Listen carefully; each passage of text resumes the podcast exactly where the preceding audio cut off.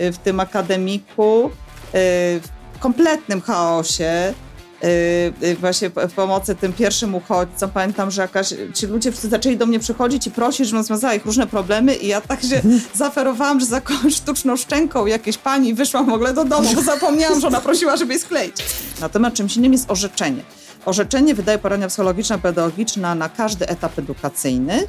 Y, I y, orzeczenie jest już y, o potrzebie kształcenia specjalnego. I tam poradnia tam są pedagodzy, oni określają, prawda, jaki typ placówki jest dla dziecka korzystny i tak dalej. Natomiast, żeby było jasne, rodzic może równie dobrze schować to do szuflady i powiedzieć, nie możnego życzenia. Okay. Tak, ja mhm. po prostu dziecko zapisuję do szkoły rejonowej, bo tak mi mhm. się podoba.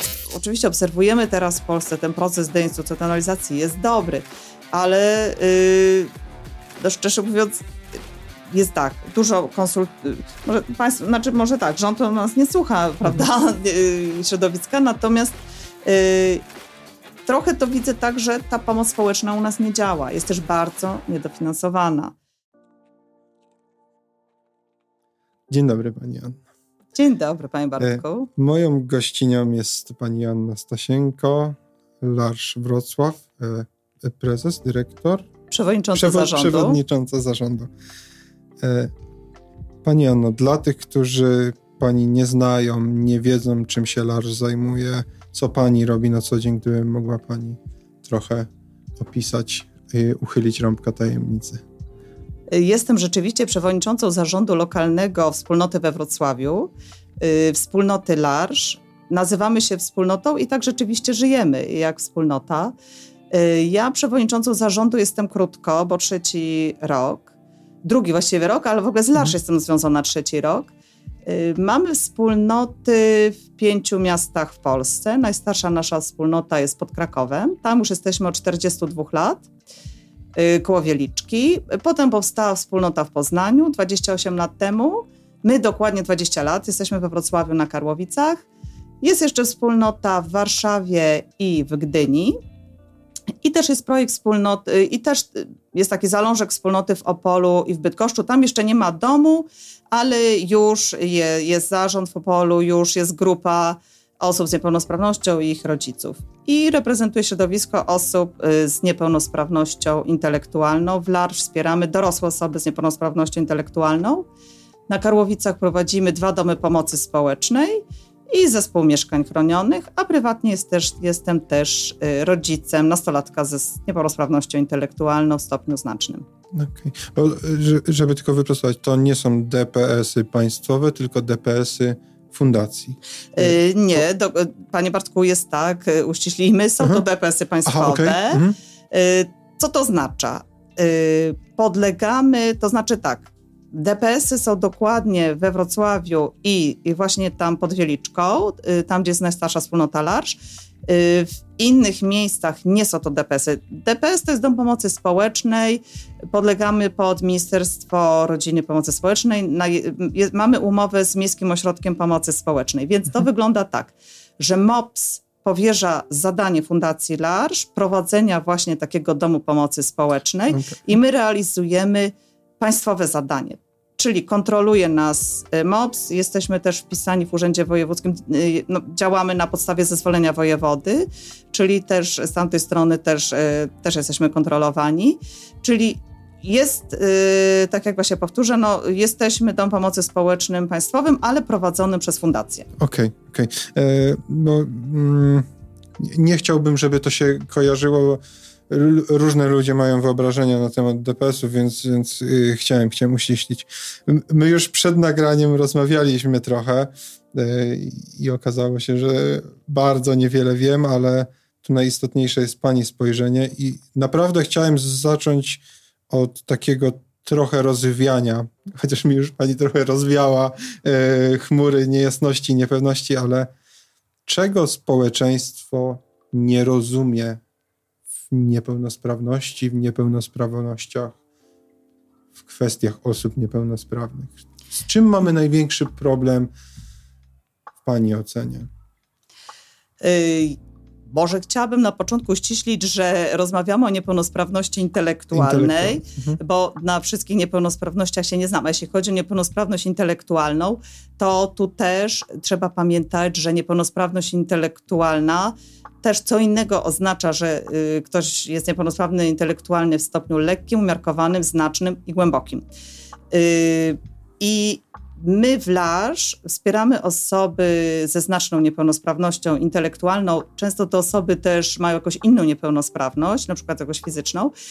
W każdym razie, mówiąc o niepełnosprawności intelektualnej, pamiętajmy, że y, duży odsetek osób z niepełnosprawnością intelektualną, y, czyli poniżej normy i z osoby z lekką niepełnosprawnością, y, w życiu codziennym stykamy się z nimi absolutnie wszędzie i te osoby często zakładają rodziny. One funkcjonują troszkę niżej, na zasadzie, no w szkole są słabymi uczniami, natomiast y, są w stanie funkcjonować samodzielnie, zakładają rodziny y, i część naszych mieszkańców z zespołu mieszkań chronionych, tam są osoby z umiarkowaną niepełnosprawnością intelektualną, pracują na wolnym rynku, czyli spotykamy się z nimi w Starbucksie, w McDonaldzie, to też w innych takich punktach gastronomicznych. Y, akurat nie nasi mieszkańcy, ale no często też takie osoby zajmują się takimi prostymi pracami, y, typu jakieś sprzątanie, prawda? Takie, gdzie nie, jest, nie, jest wymagana, nie są wymagane jakieś skomplikowane umiejętności poznawcze. Też z niepełnosprawnością intelektualną jest tak, że ten odsetek osób ze znaczną i głęboką niepełnosprawnością intelektualną jest mniejszy niż właśnie z lekko umiarkowaną. Właśnie z tego powodu, co powiedziałam, że po prostu osoby z niepełnosprawnością lekko zakładają rodziny i ten iloraz inteligencji jest dziedziczony, czyli Y, no po prostu mają rodziny i to jakby idzie dalej. Mhm. Natomiast jeśli chodzi o niepełnosprawność intelektualną, no to y, często są to wady genetyczne bądź y, wady okołoporodowe, które taką niepełnosprawność wywołują. No, inną grupą jest, że ktoś po prostu w normie intelektualnej ulega wypadkowi i traci zdolności poznawcze i staje się osobą z niepełnosprawnością intelektualną. Oczywiście mhm. tak też się dzieje. Yy, więc czego społeczeństwo y, nie wie y, o niepełnosprawności intelektualnej? No, wydaje mi się, że część osób właśnie nie ma świadomości, że y, sporo osób z niepełnosprawnością intelektualną funkcjonuje wokół nas. One oczywiście popularnym takim zespołem zespół Downa, prawda? Czyli tu jest widać niepełnosprawność. Hej, Cieszę się, że dotarliście do tego momentu. Bardzo dziękuję Wam za poświęcony czas. Żeby rozwijać ten kanał, warto by było, żebyście zostawili po sobie jakiś komentarz, informacje na temat tego, nad czym można by było popracować, czego chcielibyście więcej, na co warto by było zwrócić uwagę, albo co sądzicie o tych rozmowach. Jednocześnie zostawcie subskrypcję, żeby być na bieżąco z wszelkimi informacjami. A tutaj macie moje media społecznościowe na które możecie wejść i zobaczyć więcej informacji, być na bieżąco z tym, co aktualnie robię, ewentualnie być ze mną w kontakcie. Bardzo Wam dziękuję i miłego dalszego słuchania. Natomiast y, część y, zespołów genetycznych y, nie daje żadnych fizycznych objawów. To znaczy, te osoby wyglądają zupełnie zwyczajnie przykładem jest mój syn, osoba ze znaczną niepełnosprawnością intelektualną, która wygląda zupełnie zwyczajnie i dopiero problemy, jakie ma z mową bądź zachowanie, też oczywiście pracujemy nad tym, żeby to zachowanie było akceptowalne społecznie, żeby nie przerażało i też, żeby on był zrozumiały w swoich zachowaniach, no ale dopiero na przykład, kiedy ktoś próbuje z nim podjąć rozmowę, no to wtedy może się zorientować, ale też nie zawsze, że jest to osoba z niepełnosprawnością intelektualną. Natomiast na przykład z naszymi mieszkańcami, z niepełnosprawnością umiarkowaną, którzy sprawnie posługują się telefonami, wchodzą w związki, no praktycznie bardzo trudne byłoby y, zorientowanie się, że ta osoba jest niepełnosprawna, no to trzeba by dać jakieś trudne zadanie. Natomiast no, te osoby nasze z niepełnosprawnością umiarkowaną, no, często nie znają wartości pieniądza, przez to są łatwo ofiarą, prawda, jakichś ewentualnych nadużyć. Yy, ogólnie myślę, że społeczeństwo dużo, yy, dużo nie wie, czyli może mało wie o niepełnosprawności intelektualnej, ale z bardzo prostej przyczyny. Po prostu te dwa światy yy, się nie spotykają. To znaczy, yy, ja pracowałam bardzo długo yy, w szkole i dzieci, młodzież yy, w normie intelektualnej, no nie ma kontaktu y, z, młodzie- z dziećmi z młodzieżą z niepełnosprawnością intelektualną. Młodzież z niepełnosprawnością intelektualną yy, powiedzmy do czwartej, piątej klasy jeszcze daje radę w szkole, w klasach integracyjnych i tam jest szansa taką osobę poznać. Natomiast później, kiedy ten materiał już robi się zbyt skomplikowany, no to te drogi się rozchodzą. O, yy, natomiast dzieci no już z większymi takimi trudnościami no, chodzą do szkoły specjalnej, do której młodzież w normie intelektualnej no, nie przychodzi, tak? I te światy się nie spotykają. Yy, nie jest to, my możemy pomyśleć, że to jest oczywiste, ale tak naprawdę dla mnie punktem odniesienia jest Hiszpania. Tam jest bardzo mało szkół specjalnych i tak, tam, jest, tam jest po prostu edukacja włączająca, czyli od wczesnych etapów edukacji po bardzo późne hmm. etapy osoby z niepełnosprawnością intelektualną y, no, nie są, nie przebywają w szkołach specjalnych, tylko przebywają w szkołach masowych. Inna sprawa jest, jak to zrobić, tak? Nie jest to proste, mhm. natomiast to jest jakby dla nich zupełnie oczywiste, że właśnie na tym polega inkluzja, czyli włączanie. Więc u nas skąd mieliby, miałoby społeczeństwo wiedzieć yy, o trudnościach yy, osoby z niepełnosprawnością intelektualną czy o funkcjonowaniu, jeżeli tak naprawdę te dwa światy się nie spotykają. No, wiedzą rodzice, mhm. wie, rodzeństwo, wie ktoś, kto nie wie, w jaki sposób się zetknął, tak, ale ogólnie no nie ma takiej tak naprawdę przestrzeni, żeby te dwa światy się spotkały. Dlatego jest, myślę, że poziom świadomości jest dosyć niski. Okay, a w Hiszpanii to daje, znaczy w Pani ocenie to jest takie modelowe rozwiązanie, gdzie jest ta edukacja, bo to też jest taka rzecz, o której chciałem zapytać, ale nie chciałem przerywać.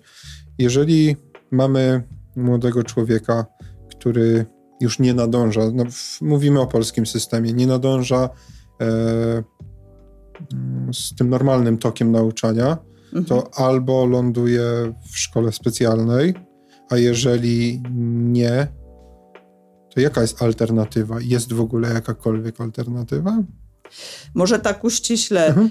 Wygląda to w ten sposób. Yy, są uczeń z niepełnosprawnością intelektualną yy, w stopniu umiarkowanym i znacznym realizuje inną podstawę programową niż uczeń ze szkoły masowej. Natomiast rodzic ma prawo dziecko z niepełnosprawnością intelektualną na stopniu znacznym umieścić w szkole masowej i tam ten uczeń ma realizować podstawę programową, no taką, która jest za niego odpowiednia. Mhm. Jak ta podstawa programowa wygląda dla ucznia właśnie z niepełnosprawnością intelektualną? Przedmioty, no to nie jest historia, biologia, geografia i tak dalej, tylko to jest funkcjonowanie osobiste i społeczne, kreatywność, rewalidacja yy, i ta podstawa programowa no, jest skrojona na miarę możliwości yy, tego ucznia. Tak, natomiast tak naprawdę rodzic ma prawo umieścić dziecko w szkole masowej. Nie robi, czasem to robi, yy, natomiast no, yy, patrząc na, na no, trzeba też patrzeć na dobro dziecka, tak? Czy dobre dla niego jest przebywanie w 30-osobowej klasie? No nie, no w szkołach mhm. specjalnych, jeżeli dziecko ma sprzężenie, to znaczy niepełnosprawność intelektualną i jeszcze jakąś niepełnosprawność, typu na przykład afazja, nie mówi, w tym momencie klasa może liczyć maksymalnie sześcioro dzieci. I są też tam specjaliści. Tak jakby patrząc na dobro dziecka, lepsze, lepsza jest szkoła specjalna. No, natomiast rodzice Y, często na tych pierwszych etapach no, boją się szkoły specjalnej. A czemu się boją? No bo też mają nierealne wyobrażenie, prawda, jak y, jak, jak to w ogóle, jak to wygląda, też wiadomo, że kiedyś y, taka osoba była bardzo odrzucana i szkoła specjalna, no to było takie wiadomo, z czym nam się kojarzy, tak? Ty to mhm. w ogóle do szkoły specjalnej się nadajesz. A, a były takie hasła. Dokładnie. I, co mhm. to, I co to miało znaczyć tak naprawdę, tak? Yy, więc yy, chciałabym wrócić, panie Bartku, do pana pytania, tak żeby dokładnie na nie móc odpowiedzieć. Nie, w sensie, bo to jest, jak, jak sobie wyobrażam yy, i to z, znowu, osoby z zewnątrz totalnie, y, że no nie wiem, rodzice rozmawiają pewnie z dyrektorem czy z nauczycielami w takiej normalnej szkole, y, bo na przykład dziecko nie nadąża y, albo przerasta je dany program to można skierować do y, szkoły specjalnej. I tutaj małe pytanie, czy są w ogóle miejsca, czy podobnie jak na przykład mhm. z miejscami u Was, a z drugiej strony, czy na przykład państwo oferuje jakąś alternatywę, nie wiem, strzelam jakieś nauczanie domowe, pomoc jakichś specjalistów, którzy się e, w takim nauczaniu domowym mogą pojawić na przykład, bo wiadomo, rodzic nie musi być specjalistą od wszystkiego. E, czy, czy tutaj są jakieś, bo to trochę z zewnątrz znowu, tak jakby nie chciałbym tego powiedzieć, żeby to źle nie zabrzmiało, trochę zamyka drzwi dla takiego dziecka. No bo na przykład dla jego dobra nie może przebywać w dużej klasie, mhm. E, a w kontekście na przykład, nie wiem, czy nauczania domowego, jeżeli takie jest, mhm. albo szkoły specjalnej, e, na przykład, nie wiem, może nie być miejsca. Ja nie wiem, jak, się, jak wygląda w ogóle ilość, czy to są prywatne placówki, państwowe placówki, to gdyby pani mogła powiedzieć. To wygląda w ten sposób to jest, y, chcę podkreślić od razu, że to jest ważne. Mhm. E, życie osoby z niepełnosprawnością e, intelektualną e, to jest przed i po. I teraz e, to wielkie przed y, to jest właśnie etap edukacji, czyli do 24 roku życia, mhm. kiedy wiemy, że w Polsce jest obowiązek szkolny, jest obowiązek nauki. I dziecko musi mieć miejsce w szkole, bo to jest obowiązek państwa, prawda? Mhm.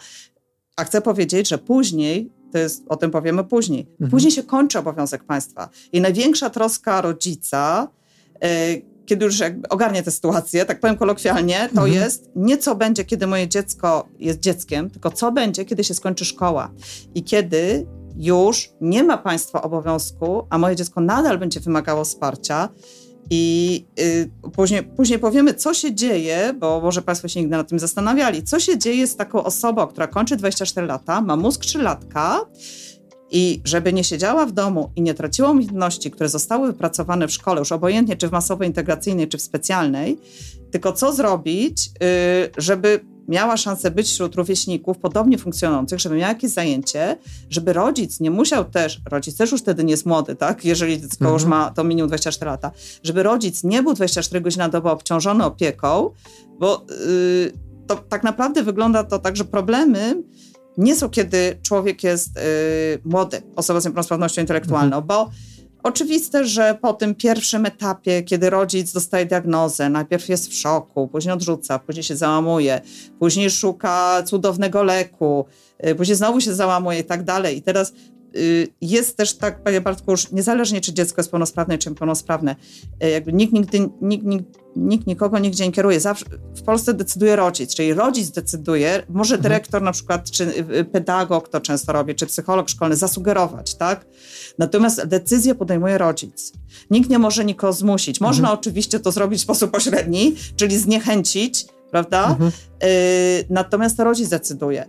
I tu jakby jest mądrość też no, pedagogów, dyrektorów, żeby y, mimo, że na przykład rodzic Mm, widzi możliwości swojego dziecka wyżej niż one są w rzeczywistości, albo myśli, ok, teraz jest tak, ale on zrobi postęp, nie chcę go dać do szkoły specjalnej, mhm. bo tam będzie wśród osób niżej funkcjonujących, a ja chcę, żeby on był wśród rówieśników w normie, bo od nich się mhm. nauczy na przykład lepszych zachowań, y, albo coś jeszcze, prawda, to na, podziała mhm. na niego stymulująco.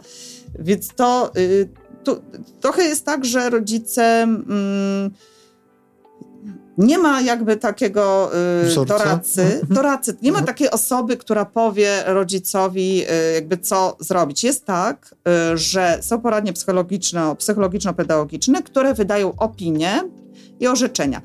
Czym innym jest opinia? Opinia jest na przykład osób z dyslekcją, dysgrafią i tak dalej i y, no bardzo dużo teraz wiemy, uczniów w szkołach masowych ma opinię. I opinia polega na pewnych dostosowaniach, czyli tam uczeń realizuje zwykłą podstawę programową, prawda? Ale ma pewne dostosowania. I tak samo uczeń z lekką niepełnosprawnością, on też realizuje zwykłą podstawę programową, lekką mhm. niepełnosprawnością intelektualną. Natomiast na przykład nie uczy się drugiego języka obcego, ale realizuje tę samą podstawę programową. Mhm. Tylko właśnie z tymi, dos, prawda, dostosowaniami. Natomiast czymś innym jest orzeczenie. Orzeczenie wydaje poradnia psychologiczna, pedagogiczna na każdy etap edukacyjny i y, orzeczenie jest już y, o potrzebie kształcenia specjalnego. I tam poradnia, tam są pedagodzy, oni określają, prawda, jaki typ placówki jest dla dziecka korzystny i tak dalej. Natomiast, żeby było jasne, rodzic może równie dobrze schować to do szuflady i powiedzieć, nie możnego orzeczenia. Okay. Tak, ja mhm. po prostu dziecko zapisuję do szkoły rejonowej, bo tak mi się podoba.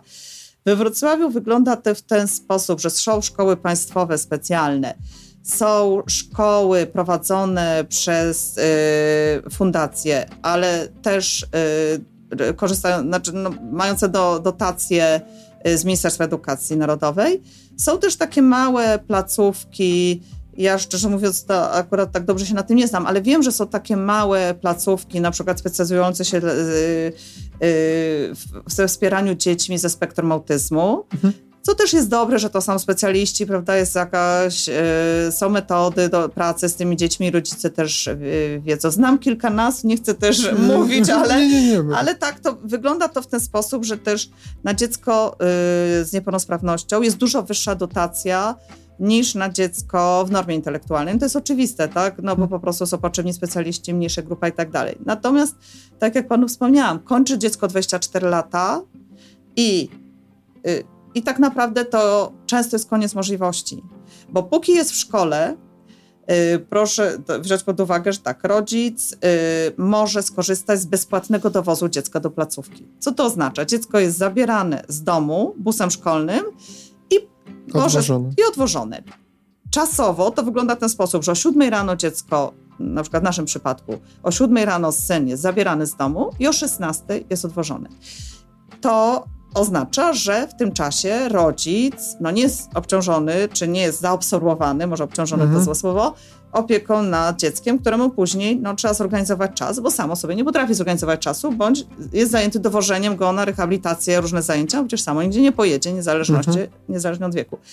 Natomiast po 24 roku życia y, nie ma już państwa obowiązku i tacy ludzie nie znikają, tak? Żyją długo, no nie, nie, nie, nie nie umierają na szczęście, po prostu są. I my ich nie widzimy, no bo często zostają w domu z rodzicem, niestety. Są placówki wsparcia dziennego i są dwa rodzaje. Albo środowiskowy dom samopomocy, to jest dla osób wymagających większego wsparcia. I takich domów jest siedem we Wrocławiu, albo są warsztaty terapii zajęciowej, ich jest pięć. Yy, miejsca są zajęte w prawie wszystkich z tych placówek i są kolejki. Prawda? Jakiej długości? Bo to za, zabiło Bardzo mnie. Bardzo Oczywiście, że to nie. To kolejki są właśnie, yy, ostatnio to nawet sprawdzaliśmy. Yy, I kolejki są bardzo różne, natomiast jest yy, na przykład Środowiskowy Dom Samopomocy w centrum Wrocławia, gdzie jest 30 miejsc, kolejka liczy 20, 20, 20 kilka osób jest w kolejce.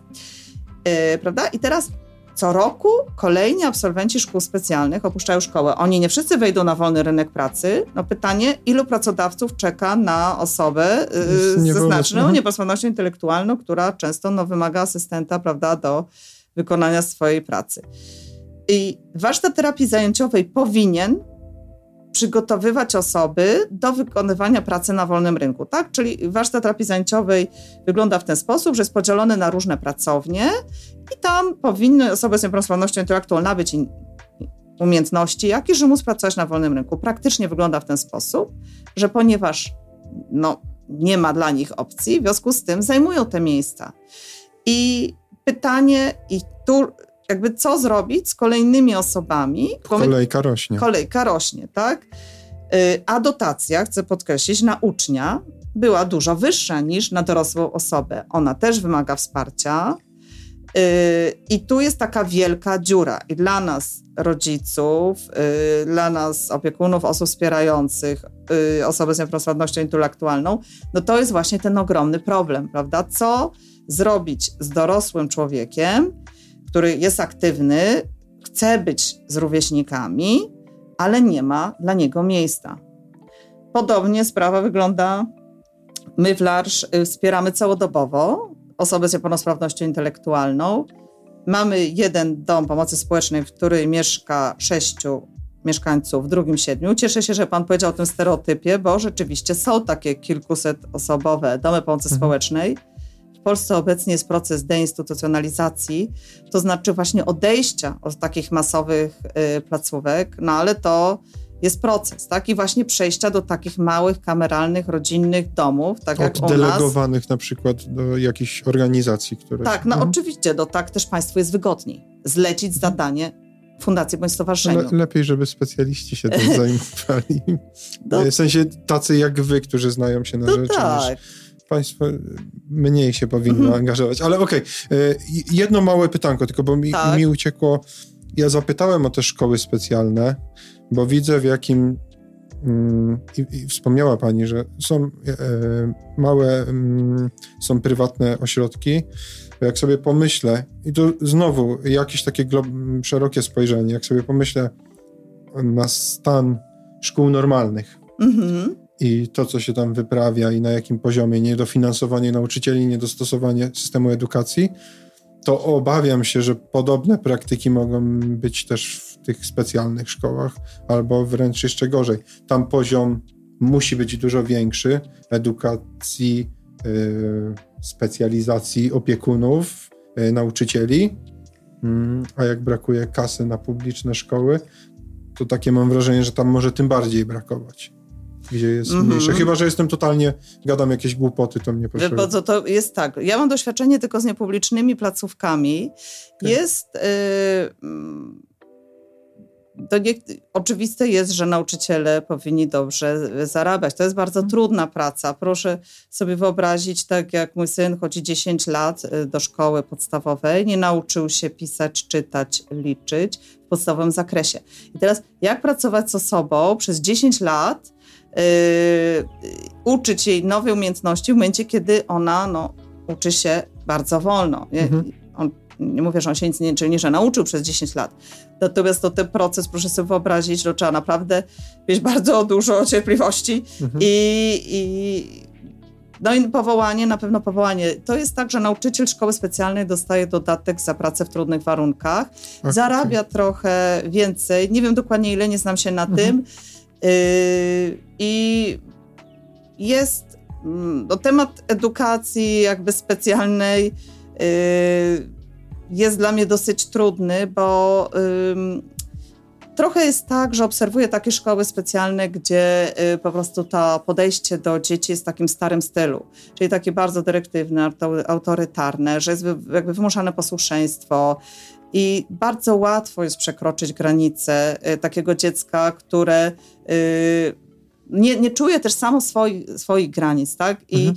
też, jeżeli mówimy o osobie z niepełnosprawnością intelektualną, często jest mowa zaburzona. I to nie jest dziecko, które wróci ze szkoły i powie, co się wydarzyło w szkole, albo co zaobserwowało.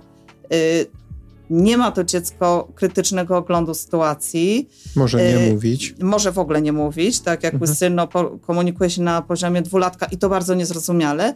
I jak pytam się, co było w szkole, to on myśli długo, później mówi obiad. I to jest wszystko, jakby codziennie on ten sam okay. komunikat. Mhm. W związku z tym niestety to jest jakby przykre, że ciągle takie placówki yy, właśnie są, gdzie yy, te dzieci yy, no nie jak to powiedzieć, no jest jakby treso, jest takie tresowanie, prawda, w posłuszeństwie i, i, i w mojej ocenie to y, ta edukacja no, nie jest prawidłowa, a też y, nadzór nad y, tymi placówkami, bym powiedziała, pozostawia dużo do życzenia. No, to jest trochę takie, taki temat, yy, każdy, myślimy o osobie z niepełnosprawnością intelektualną, często wyobrażamy sobie dorosłego faceta z koszulką w myszce Miki i tak dalej, tak? Mhm. Jakby temat y, jest godności tej osoby, prawda? Czyli, yy, czyli yy, jakby co, jak ona powinna być traktowana i, i to na przykład wywodu, to, to już to nie jest pana pytanie, ale na przykład mhm. obserwowałam w szkole taką, yy, taką sytuację, jak przychodziła babcia z takim bardzo wystrojonym wnuczkiem i odbierała wnuczkę, która naprawdę mm, wyglądała y, bardzo nieładnie, w zasadzie jakaś nieadekwatna fryzura, jakieś naprawdę takie rzeczy, nie, nie chodzi o to, że była ale ten kontrast, prawda? Zanie, zaniedbana? Zaniedbana, ale też hmm. na zasadzie, no bo ona, bo ona nie wie, jak wygląda, prawda? Bo jej to nie obchodzi. Nie inwestujemy trochę w to dziecko. Okay. I teraz pytanie, jakie, jak my odbieramy takie dziecko? Pamiętam, jakim dla mnie było szokiem, jak mój syn zaczął chodzić na terapię do jednych z pań i pani napisała nim opinię i napisała tak, chłopiec czysty, schludny, ubrany stosownie do pory roku. I, I później szła cała opinia i ja mówię, dlaczego pani napisała to zdanie jako pierwsze? Ona mówi, bo niech pani sobie wyobrazi, jak do mnie przychodzi brudne dziecko, zaślinione, a ja mam z nim pracować w bliskim kontakcie fizycznym, a rodzic nie dba o higienę. Tak? Y, nie dba, bo, bo to jest zadanie rodzica, bo to dziecko no, może nie mieć takich umiejętności i, i rodzic może też trochę jakby nie widzieć, że to jest ważne, że to, jak to dziecko wygląda, powoduje później, jak jest traktowane przez otoczenie. Mhm. Rozumiem, co mam, co mam na myśli, mhm. prawda? Więc chciałam jakby wrócić do pana pytania, że y, dla mnie bardzo ważna jest godność tej osoby, tego dziecka od samego początku. Ja nie miałam takiej świadomości jako rodzic od samego początku, muszę to powiedzieć. To jakby przyszło z czasem, jak zrozumiałam, jak łatwo jest naruszyć tę godność. Mhm. I jak my, y, pełnosprawne osoby, jesteśmy odpowiedzialni za to, żeby właśnie te granice tej osoby, tę godność, yy, żeby one były zachowane. To jest ważne że ta osoba dorosła y, nie jest małym, y, pociesznym misiem, którego głaszczemy po głowie i przytulamy, bo ona jest dorosła, tak? To jest dorosły mężczyzna. I teraz pytanie, jak na przykład z moim synem czasem takie sytuacje, że y, prawda, jakaś pani go tam pogłoszcze po głowie, da mu cukierka. No tak, ale ona 17 lat. Czy przyszłoby pani do głowy traktować 17 tak 17-latka, prawda? Mhm. Więc okej, okay, no on jest słodki, rozumiem to, ale tak jak też to w drugą stronę działa, tak jak będziemy go traktować, tak on się będzie zachowywać, tak? Czyli mhm. on próbuje na przykład wejść na plac zabaw, a ja mówię, no tu są małe dzieci, ty już jesteś duży. I wiadomo, można powiedzieć, ok, ale on tak naprawdę jest w głowie dzieckiem. Też widzę to też tak, że jeżeli nie stawiamy tej osobie też wymagań, tak? Y, nie, mhm. nie stawiamy jakichś wyzwań, oczywiście na miarę jej możliwości, no to też ona pozostanie ta, na takim etapie yy, nieadekwatnym trochę, prawda? Mhm. Yy, akurat teraz mamy taki, prowadzimy półkolonie Fundacji Larz dla dzieci, był taki temat przytulania się, tak? Czyli mhm. właśnie tych granic. I teraz oczywiste, można powiedzieć, tak, osoby ze Downa lubią się przytulać. Okej, okay, mają taką potrzebę. Mhm. No i teraz jakby co jest akceptowane społecznie, co się stanie, jeżeli nauczymy je y, osoby, czy nie, że, nie, że to jest okej, okay, czyli każdy, ty możesz każdego przytulać, każdy ciebie może przytulać. To nie jest bezpieczne, tak, bo mhm. no, to też jest ważne, żeby powiedzieć, te osoby są bardzo narażone na wykorzystanie seksualne. Dużo częściej niż osoby bez niepełnosprawności, bo oczywiście nie mają samokontroli, samokon mhm. ale też nie mają oglądu swojej sytuacji, tak? I, i, I też, no umówmy się, że nie wszyscy ludzie wokół nas mają dobre intencje. Są ludzie, którzy specjalnie dążą y, do kontaktu z osobą z niepełnosprawnością intelektualną, bo wiedzą, że bardzo łatwo ją wykorzystać i my musimy chronić y, osoby przed, y, przed wykorzystaniem, bo to jest tak jak właśnie przez to, co mówiliśmy przed chwilą, nie mówią, nie potrafią, no to one nie potrafią powiedzieć, co się z nimi dzieje, kto im co robi i tak dalej. Więc... Yy, ja jakby dla mnie to jest ważne, żeby podkreślać, że, yy, że to jest naprawdę ten temat ich godności i postrzegania ich adekwatn, adekwatnego ich postrzegania jest bardzo ważny. Okay. Bo mamy mamy sytuację, chciałbym dojść do tej granicy, o której pani wspomniała, tak. to znaczy yy, edukacja i po edukacji. Tak, tak. Mamy młodego człowieka niepełnosprawnego, do 24 roku państwo w mniejszym lub większym stopniu wam pomaga. Tak. Wam mam na myśli rodzicom. rodzicom, opiekunom. Co się dzieje z takim mm, człowiekiem, kiedy państwo mm, o, kończy swoją pomoc przy takiej osobie? No, na pewno rodzice są już starsi, są już zmęczeni. Y, no już nie są na tym etapie, prawda, że walczą o to dziecko, rehabilitują na wszelkie sposoby i tak dalej. Rodzeństwo takiego człowieka też już, no często zakładają rodziny, prawda, pełnosprawni bracia, siostry też już nie są blisko tej osoby. Mhm. Czyli tak naprawdę, no też pamiętajmy, że sporo rodzin osób z niepełnosprawnością y, to, to, są, to są samotne matki. Y, czyli taka y, no, wydaje mi się, że można powiedzieć, że częściej niż w rodzinach, gdzie nie ma osoby z niepełnosprawnością, obserwujemy, hmm. że po prostu zostaje sam jeden rodzic. Czyli rodzic już jest starszy. Y, I y, wygląda to w ten sposób, że rodzice na tym etapie szkolnym, y, mam takie wrażenie, że nie mają jakby świadomości, że później to, to jakby nic też na, tak naprawdę, nie ma jakiejś oferty, prawda? Mhm Osoby bardziej sprawne mogą z pomocą trenera pracy próbować pracować na wolnym rynku.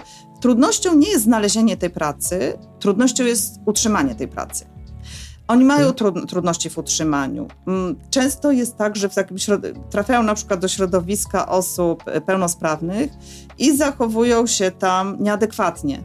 E, myślę tu o takich konkretnych przypadkach, tak, mhm. że no, mężczyzna na przykład zaczepia bardzo dziewczyny, albo chce się bardzo zaprzyjaźniać, albo po prostu nie rozumieją trochę tych relacji, jakichś takich, y, albo nie padną nad emocjami, albo od razu, prawda, rzucam, no bo mhm. no, praca męczy, pra, taka jest prawda, tak, no mhm. rutyna męczy I, i, i tak to wygląda.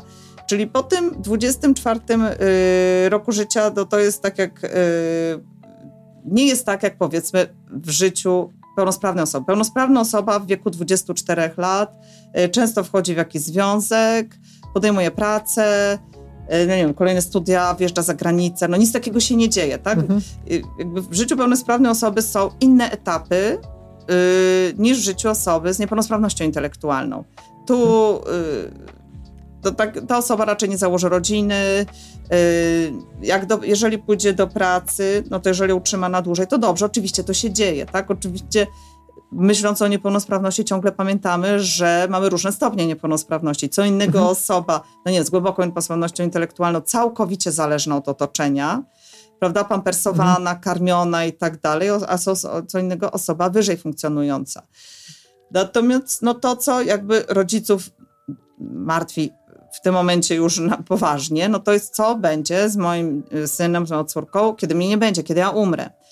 Co się stanie z tą osobą, która nie jest w stanie sama opłacić rachunków, Yy, prawda, prowadzić gospodarstwa, mhm. sprawować różnych ról społecznych, które my wszyscy sprawujemy. Pan też tu jest jakieś roli, prawda, jako dziennikarz, więc ta osoba nie jest w stanie podejmować tych ról. Tym ona się różni właśnie osoby bez niepełnosprawności.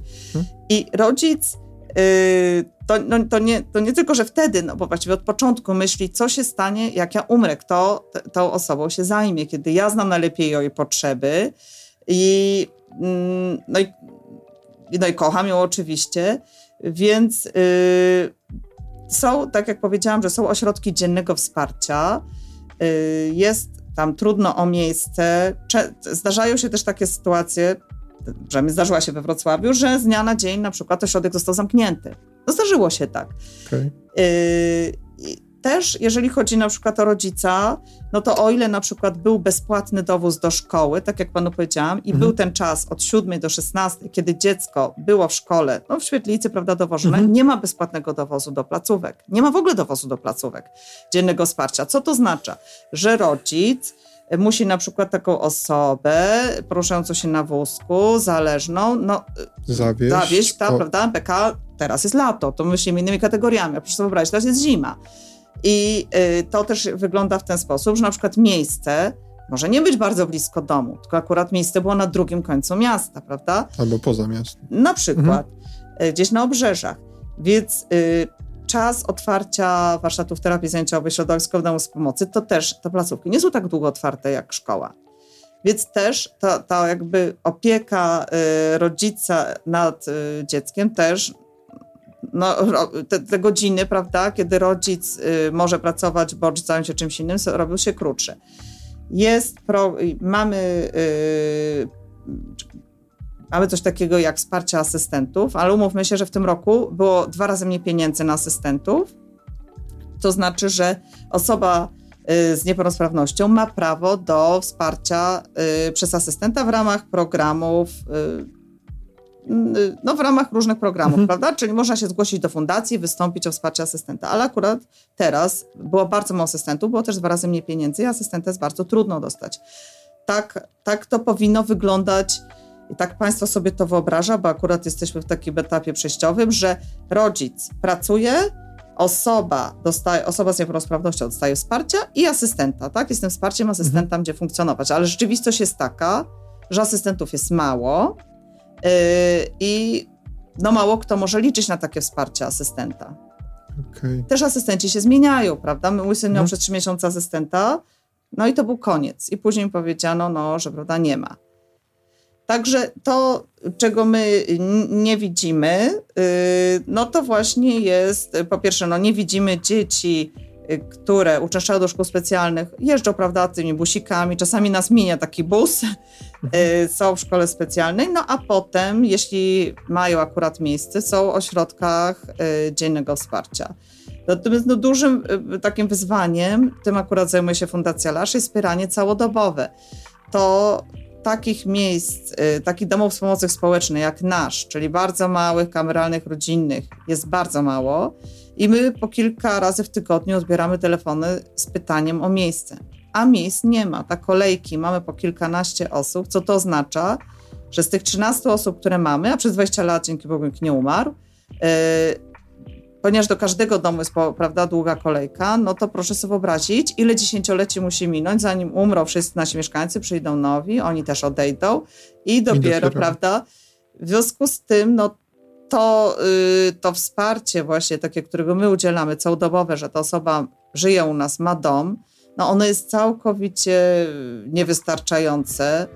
Są miejsca poza Wrocławiem, w takich wielkich domach pomocy społecznej. Teraz pan proszę sobie wyobrazić, że pan y, ma swojego ukochanego syna i ma pan perspektywę, że będzie gdzieś, prawda, bardzo daleko poza Wrocławiem. Przepełnionym. Dokładnie. Gdzie no mówmy się, gdzie jest mowa o jakieś zaspokojenie jego indywidualnych potrzeb, mhm. bo potrzeby tej osoby są bardzo podobne do naszych. Oni też chcą się czuć bezpiecznie, też chcą mieć przyjaciół, też chcą, żeby ktoś ich rozumiał, też chcą spędzać ciekawie czas i tak dalej. Te potrzeby są bardzo podobne. I teraz trudno mówić o zaspokojeniu potrzeb w takich ogromnych placówkach. Okej, okay. bo y, to jak y, mam wrażenie, że dla osoby, która na przykład, albo na przykład dla kogoś, kto jest cięż, rodzica, który jest w ciężkiej sytuacji, y, albo starszy w podeszłym wieku, albo dla kogoś, kto nie ma, na przykład mówię o y, osobie, która mm, jest niepełnosprawna, dla kogoś, kto na przykład nie ma rodziców, jesteście jedynym, jedyną możliwością. Znaczy już pomijając takie ekstremy, jak na przykład, nie wiem, życie na ulicy, tak, to jest abstrakcja, ale jesteście jedynym sensownym rozwiązaniem. Czy jest jakaś alternatywa? Tylko nie pytam o teorię, tylko o praktykę, bo wy robicie kawał dobrej roboty, a czy jest jakaś alternatywa dla takiej osoby, która na przykład nie ma rodziców, nie ma opiekunów, jest dorosła, ale nie jest w stanie funkcjonować samemu? Do nas kieruje, y, mieszkańcy do, u nas należy się y, na podstawie skierowania od MOPS-u. Czyli Miejski Ośrodek Pomocy Społecznej kwalifikuje osoby. I teraz y, oczywiste jest to, że ma pewne priorytety, prawda? No, u nas nie ma wolnych miejsc, ale jak był przez moment wolne miejsce, a była kolejka, to y, zajęła je osoba, która nagle straciła dwoje rodziców. I ona jakby przeskoczyła kolejkę tak naprawdę, mhm. ale rzeczywiście ona była priorytetem. No to ekstremalna sytuacja. To jest ekstremalna sytuacja. Yy, więc Miejski Ośrodek Pomocy Społecznej prowadzi kwalifikacje, ale tak, tak jak pan mówi, no tam istotne jest yy, to, co pan powiedział, tak? Wiek rodziców i tak dalej, czyli osoba taka jak ja, czyli jeszcze w miarę młoda, gdzie jest mąż, i która ma dosyć dobrą sytuację materialną, no ona nie zostanie zakwalifikowana. To jest oczywiste, mhm. prawda? Ja nie mam szansy na to, żeby znaleźć się w kolejce, no bo jestem w stanie wspierać syna w rodzinie. Pytanie jak długo i pytanie co się stanie, jak jedno z nas na przykład zachoruje, czy, czy oboje. Nie ma alternatywy poza tym właśnie, co Pani Bartku powiedziałam, czyli duże y, domy pomocy społecznej. Y, rzeczywiście COVID no niestety y, doprowadził do tego, że w tych domach pomocy społecznej część osób odeszło i jest tam więcej miejsc niż y, przed pandemią, prawda? Mhm. Y, I teraz to jest właśnie ta alternatywa, o, o, której Pan mówi. Ale tam też się trzeba zgłosić, w sensie. Nie, no oczywiście. Wszędzie jest, tak, oczywiście. Procedura jest taka, że kwalifikuje Miejski Ośrodek Pomocy Społecznej. Okay. Wszędzie tak jest. A to, to, to z innej strony.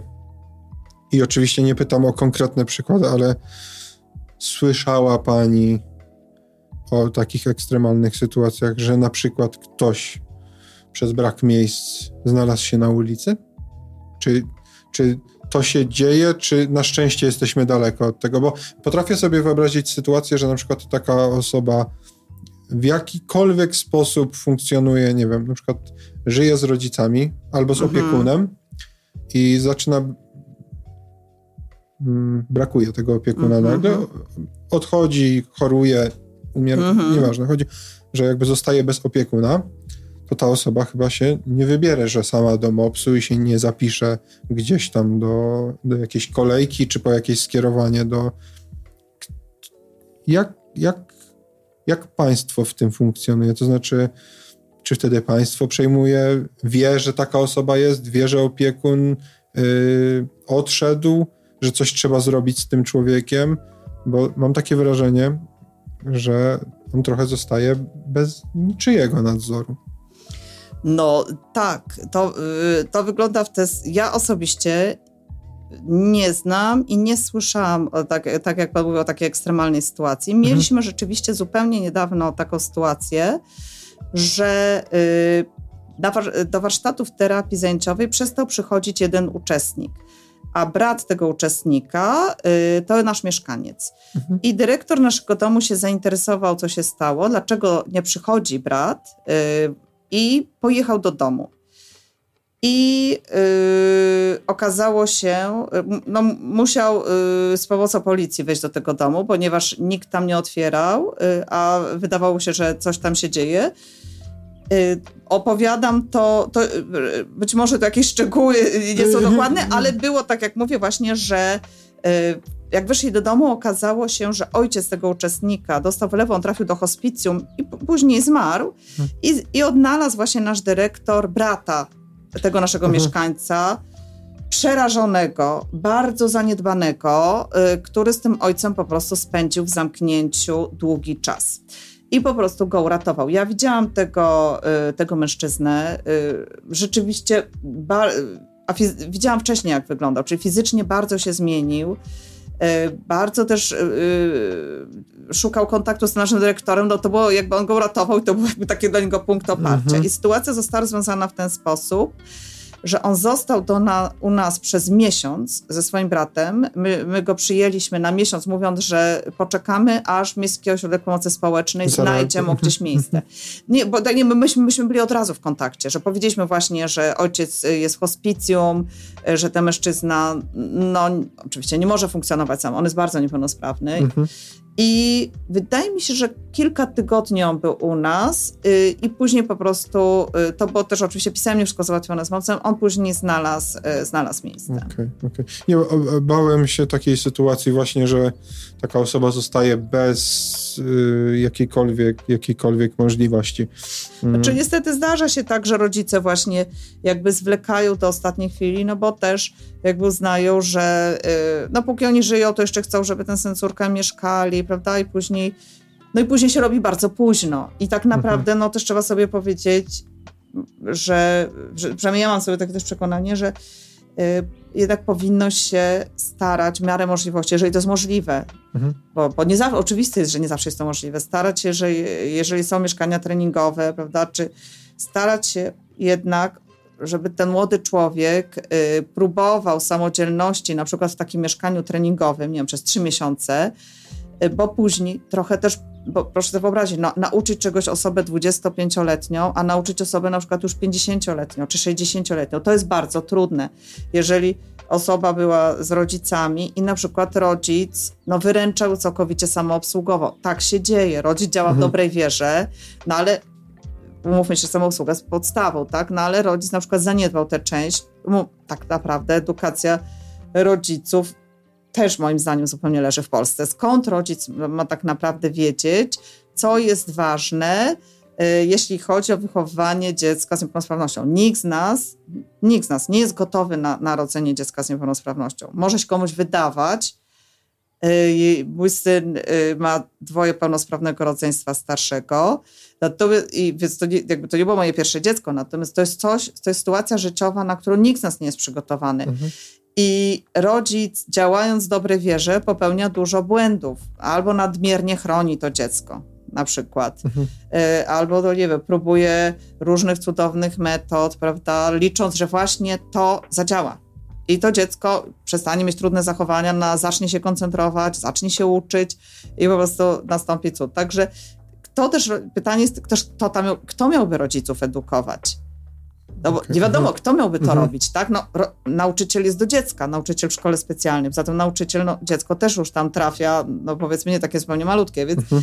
chodzi o to, że nam rodzicom też na przykład nikt nie mówi, no terapeuci czasem mówią, czasem nie mówią, czasem mówią sprzeczne rzeczy, no różne, różnie jest, prawda, ale też nie ma zupełnie y, a tym bardziej wydaje mi się, że kiedyś, jak, jak mówimy już o osobie na przykład, co teraz ma 50 lat, no to Mhm. kiedyś, prawda, oni byli często te osoby, oni mam na myśli osoby z niepełnosprawnością intelektualną, no, byli po prostu schowani w domach. No to był wstyd po prostu mieć takie dziecko, jakaś kara, prawda, Mhm. że to zimna matka, bo może oziębła, a może coś, no wiadomo. I Mhm. te osoby były, yy, no, były w domach i tam no, nie było też potrzeby, że rodzice nie mieli potrzeby, prawda, żeby usamodzielniać, no bo reagowali na Mhm. potrzeby tego dziecka. Okej. E, Ja, może nie ten, może nie bezpośrednio o pani, ale przecież ma pani kontakt z innymi rodzicami. Jest w środowisku. To jest trochę tak. I to mówię, absolutnie nie, nie pytam. e, Mam, mam nadzieję, że to źle nie zabrzmi. W przypadku rodzica to jest trochę takie planowanie, to znaczy myśli się o tym, że trzeba zaplanować temu dziecku e, zaplanować, w sensie trochę przygotować na przykład na, na brak, w sensie, nie wiem, pomyśleć o jakimś ośrodku, o, o czymś takim, czy to, to jest coś takiego, co rodzicom spędza sens powie? Znaczy, bo co tak, no, spędza, spędza, tak, myślę, że spędza, natomiast Mhm. y, ja, bo jakże moje doświadczenie jest takie, że rodzice y, y, nie, nie mówią o tym, nie chcą o tym mówić, jakby albo tru, mi jest trudno powiedzieć, dlaczego tak jest, Mhm. albo nie chcą się tym dzielić, albo to jest za trudne, albo, albo emocjonalnie ich to przytłacza, albo żyją za bardzo dniem, może nie za bardzo, żyją dniem codziennym, prawda, takimi wyzwaniami Mhm. dniami codziennego.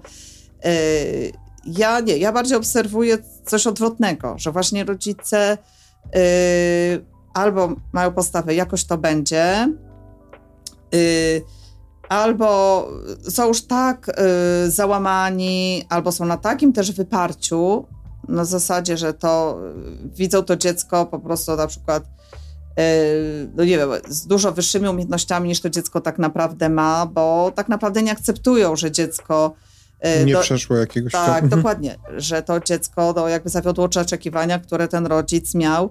Więc yy, nie, mo, moje doświadczenie nie jest takie, jak pan mówi, właśnie, że rodzic planuje, i, a, już, a już na pewno się tym, tak, przynajmniej ja tak widzę, Mhm. że nie dzieli się tym, tak? Bo y, jest planowanie też no, na etapie szkolnym, no jest, prawda, w szkole specjalnej, później przychodzi, podstawowej, później przychodzi do takiej, tego typu szkoły, coś nazywa szkoła przysposobiająca do pracy, Mhm. gdzie też są różne pracownie, co ma umiejętności, tam są staże i tak dalej. I, i na tym się kończy. Yy, nie, ja widzę bardziej właśnie wśród rodziców yy, taką blokadę na myślenie o przyszłości, o dziecku, takim racjonalnym, bo oczywiste jest, że wszyscy się boimy yy, i wszyscy mamy w sobie ten lęk, tak, co się Mhm. stanie i tak dalej, ale żeby za tym na przykład szło coś dalej, nie, nie widzę tego. Nie widzę i nie potrafię też wytłumaczyć tego, dlaczego tak jest. A to, to, to, to przepraszam, ja jeszcze się poprawię, bo być może to źle zadawane pytanie. Czy to jest w ogóle taki scenariusz, który, o którym się powinno myśleć? Bo mi intuicyjnie przychodzi do głowy, tak jak pani wspomniała, na przykład o tym terminie. To X, Mhm. e, gdzie NFZ to jest ekspres w porównaniu z tą Mhm. kolejką. Tak, tak. E, Jeżeli sobie wyobrażę taką sytuację, że na przykład te kolejki sięgają 20, 30, Mhm. 40 lat, bo muszą minąć te pokolenia, to gdybym mm, gdybym był takim rodzicem, to tak intuicyjnie próbuję trochę szyć na potrzeby Mhm. tej rozmowy, bo próbuję się trochę w, w taką sytuację w, w najmniejszym możliwym stopniu wcielić, no to już wtedy bym myślał na etapie, jak to jest małe dziecko, o tym, żeby może jakieś miejsce gdzieś, gdzieś zapisać go jakąś, na jakąś listę, albo znaleźć jakieś, szukać jakiegoś miejsca w takim, którym jak moja jesień czy zima życia Mhm. przyjdzie, to żebym mógł spokojnie pomyśleć, ok, jest tam na liście, albo już trafił do takiego miejsca i mogę się mogę się jakby nie tyle co nie martwić, ale mogę być spokojniejszy, bo on już ma na przykład miejsce jakieś zaklepane. Bardziej to, panie Bartku, widzę tak, że rodzice mają takie przekonanie, mówią je albo nie mówią. Ja najlepiej rozumiem moje dziecko, najlepiej mu będzie w domu, najlepiej będzie mu ze mną. Jakby przedłużają później też bardzo te sytuacje. Okay. I albo też z drugiej strony jest takie myślenie, okej, okay, jeszcze się pojawią nowe możliwości, jeszcze się coś zmieni, i po co mam się martwić teraz, kiedy y, powiedzmy za jakiś tam okres czasu y, powstaną nowe środki, których jeszcze teraz nie ma. Czyli coś będzie i ja nie będę się tym teraz martwić. Jakieś nowe rozwiązania. Dokładnie, jakieś nowe mhm. rozwiązania. Natomiast no, prawda jest też taka, że one mogą się nie pojawić. I ja ob, oczywiście obserwujemy teraz w Polsce ten proces deinstytucjonalizacji jest dobry, ale yy, szczerze mówiąc, jest tak, dużo konsult... Może państwo, znaczy może tak, rząd to nas nie słucha, prawda, mhm. środowiska, natomiast y, trochę to widzę tak, że ta pomoc społeczna u nas nie działa. Jest też bardzo niedofinansowana. I trudno cokolwiek planować czy zrobić, jeżeli nie naprawdę ma nie ma środków. I to też to jest tak, że mówiliśmy wcześniej nauczyciela, który oczywiście, że ma, patrząc na taką odpowiedzialność, nie mówię mhm. tylko o szkołach specjalnych, ale też szkołach masowych, mhm. ponoszą prawda, odpowiedzialność i za wychowawczy, yy, edukacyjny i tak dalej my rodzice oddajemy szkole to, to co mamy najlepsze, nasze dzieci, no i mhm. oczekujemy, że tam też dostaną co najlepsze. A jaki sposób mają dostać, jak nauczyciele są zmęczeni, źle opłaceni i sfrustrowani przez mhm. to, prawda? Mhm. Więc pomoc społeczna wygląda jeszcze bardziej dramatycznie, bo y, chociażby porównując na przykład zawód nauczyciela, i y, powiedzmy terapeuty zajęciowego, tak? No to jednak nauczyciel ma w perspektywie awans, prawda? Czyli są stopnie, jest stażysta, kontraktowy, mianowany, dyplomowany mhm. i w końcu wiem, że z, zrobię po awans, jakimś... prawda? I będę nauczycielem dyplomowanym y, to pensum jednak na razie jest 18 godzin. Ja szczerze mówiąc nie śledzę tych, tych zmian, no, ale mhm. no okej, okay, no na razie jeszcze jest 18. Jestem tym nauczycielem dyplomowanym i yy, a teraz jak pomyślimy o pomocy społecznej, tam naprawdę, naprawdę są bardzo niskie wynagrodzenia, bez żadnej perspektywy awansu, tak? I mówimy tu, a to też jest jakby trudna praca, wspierania osób z niepełnosprawnością mhm. intelektualną. Y, my w Fundacji LARSZ y, zatrudniamy asystentów i chcemy, żeby przychodziły osoby oddane osobom z niepełnosprawnością intelektualną, mamy wobec nich pewne oczekiwania, wymagania, no ale niestety to wynagrodzenie, które, jest, które oni dostają, no, nie jest satysfakcjonujące, a ciężko też utrzymać pracowników bez większych środków. I jakby chcielibyśmy hmm. ich zatrzymać, prawda, naszych asystentów, bo zależy nam, żeby nasze osoby miały y, wsparcie, no ale y, tu, ja, ja, nie chcę tak mówić, żeby tu kogoś zniechęcić, bo ja chcę, żeby nas wchodzili, ale też trzeba mieć świadomość, że po prostu pomoc społeczna w Polsce jest bardzo niedofinansowana I, I taka też niedoceniana. Mam takie wrażenie, mhm. że ta praca nie cieszy się szacunkiem społecznym. Ona jest potrzebna, ale ona no, nie jest prestiżowa, tak, no, w żadnym stopniu, mhm. Yy, co jest bardzo przykre, tak nie powinno być. A, bo y, nieraz, y, i to, to nie jest jakby mój pogląd, ale trochę się słyszy negatywnych wręcz głosów, że właśnie opieka społeczna czegoś tam nie dopilnowała, tu gdzieś przeoczyła, te historie pokroju starszych osób, które mieszkają w jakichś tam skandalicznych mhm. warunkach. I to nie rozgrzeszając, ale to niejednokrotnie jest problem ze środkami, aniżeli zła wola na przykład jakiegoś człowieka, że nie mogą mu pomóc, tak? Oczywiście pewnie te nadużycia są jak wszędzie, w każdej, w każdej branży, ale yy, jakoś mam wrażenie, że ta, takie sytuacje, gdzie wydawać by się mogło, że tych pieniędzy potrzeba najwięcej, mają najmniej finalnie. E, ja chciałem to trochę y, zostawić na koniec, żeby jakimś takim optymistycznym akcentem, ale, y, ale te, wspomniała Pani o tym teraz. Są te zmiany, o których, o których y, trochę Pani nakreśliła jest jakikolwiek horyzont czasowy, w którym można się spodziewać jakiejś istotnej zmiany, ale takiej nie mówię o tym. Dzisiaj powiemy, że yy, wprowadzamy yy, odinstytucjonalizowanie, e, tylko mówię o takich realnych gdzieś przesłankach i absolutnie nie pytam jakieś przewidywanie, tylko jak z Pani perspektywy obserwuje Pani to środowisko od środka, to możemy się spodziewać. Ja trochę strzelam, ale yy, za 10, 20, 30, 40 lat jakiejś istotnej zmiany, patrząc na te trendy, które są teraz? To, co się teraz dzieje, jest yy, rewolucyjne, na pewno, yy, ale mam takie wrażenie, że osoby z niepełnosprawnością intelektualną na tym stracą. Zaraz to rozwinę, mhm.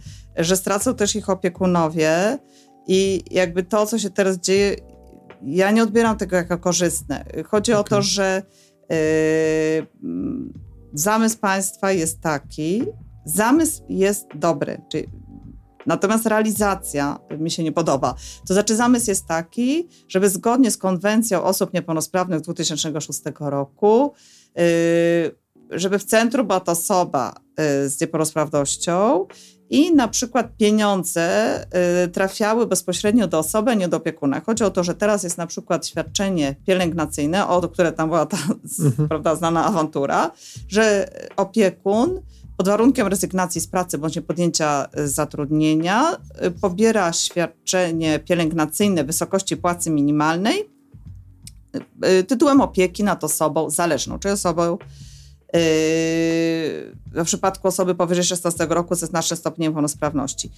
To było bez, no nie można było oczywiście pracować, natomiast można było to świadczenie pobierać tak długo, jak osoba miała orzeczenie, prawda, odpowiednie. Mhm. Teraz ma tego nie być, czyli tylko do 18 roku życia świadczenie pielęgnacyjne. I założenie państwa jest takie, opiekunowie pracują, prawda? Nie ma świadczenia pielęgnacyjnego, pieniądze, będzie inne świadczenie wspierające, trafi bezpośrednio do osoby z niepełnosprawnością. Ona jest tym podmiotem. Z jednej strony to jest dobre myślenie, czyli wspieramy bezpośrednio osobę, ale prawda jest taka, że jest yy, ono po pierwsze, czy każdy opiekun osoby niepełnosprawnej Y, niech pan sobie wyobrazi, że pan przez 20 lat zajmuje się taką osobą zależną i ma pan wrócić teraz na rynek pracy. Czy oni wszyscy są w stanie wrócić na rynek pracy? Oj, Poza tym, mhm. y, przy obecnym funkcjonowaniu warsztatów terapii zajęciowych środowiskowej pomocy, gdzie one są krócej czynnej szkoła i nie ma już dowozu, tak, to teraz czy pan będzie w stanie na pewno pracować, kiedy dalej się pan opiekuje osobą? Poza tym y, kryteria, żeby dostać to świadczenie wspierające są tak skonstruowane, że bardzo trudno będzie je dostać. Ze 100 punktów trzeba dostać 70, te kryteria do końca, tam no, była mhm. zamieszanie, jeśli chodzi o kryteria. Ja jedyną szansę, którą widzę w tym, co pan mówi, co mogłoby się zmienić, rozumiem, co mogłoby mhm. się zmienić na plus. Tak, Myślę, tak, tak. że to, co się może zmienić na plus, to jest podniesienie, że tak, y, jednak dostęp do internetu, media społecznościowe, wyższa świadomość rodziców, y, wyższa taka świadomość, że Y, mamy swoje prawa, że y, tego trochę, no chociażby takie solidarności, prawda? Mhm. W, tym, w tym widzę szansę, żeby sytuacja się poprawiła, że mamy większy dostęp do informacji y, niż powiedzmy pokolenie wcześniej, prawda? Mhm. Natomiast no, martwię, się, martwię się o to, w którą to idzie stronę, tak osobiście się martwię.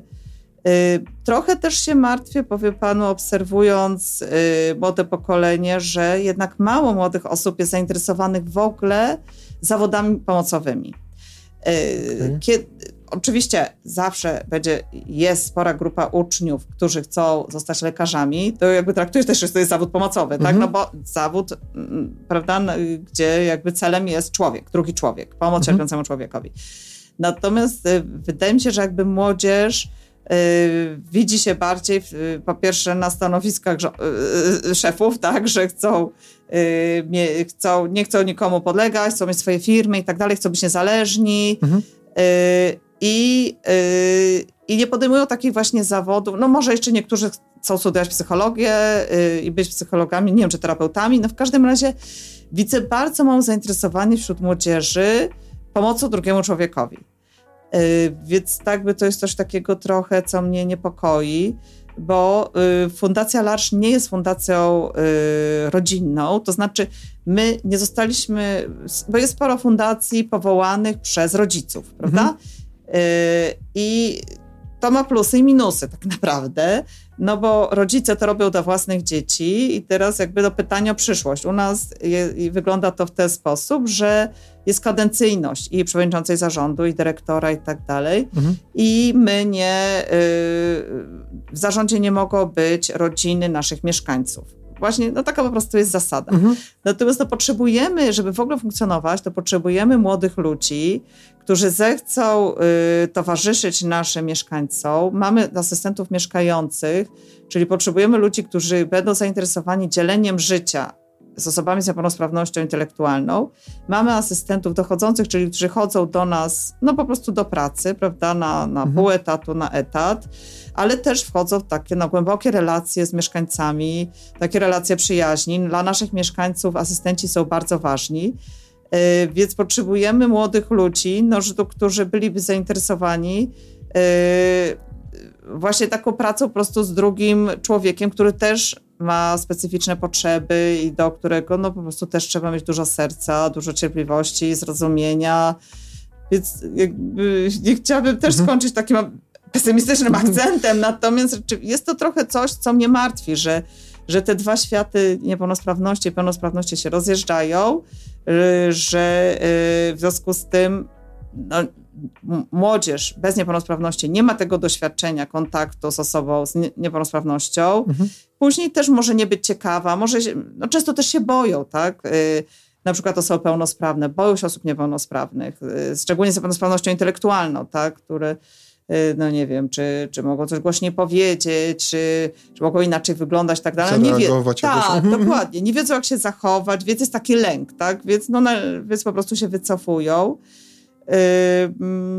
Także mam nadzieję, że, y, że, że dojdzie do tego, że te światy się spotykają, spotkają i będą spotykać. No i myślę, że tu kluczem po prostu jest edukacja. Edukacja o odmienności, różnorodności, inności. Jest to zadanie szkoły, myślę, ale też rodziców.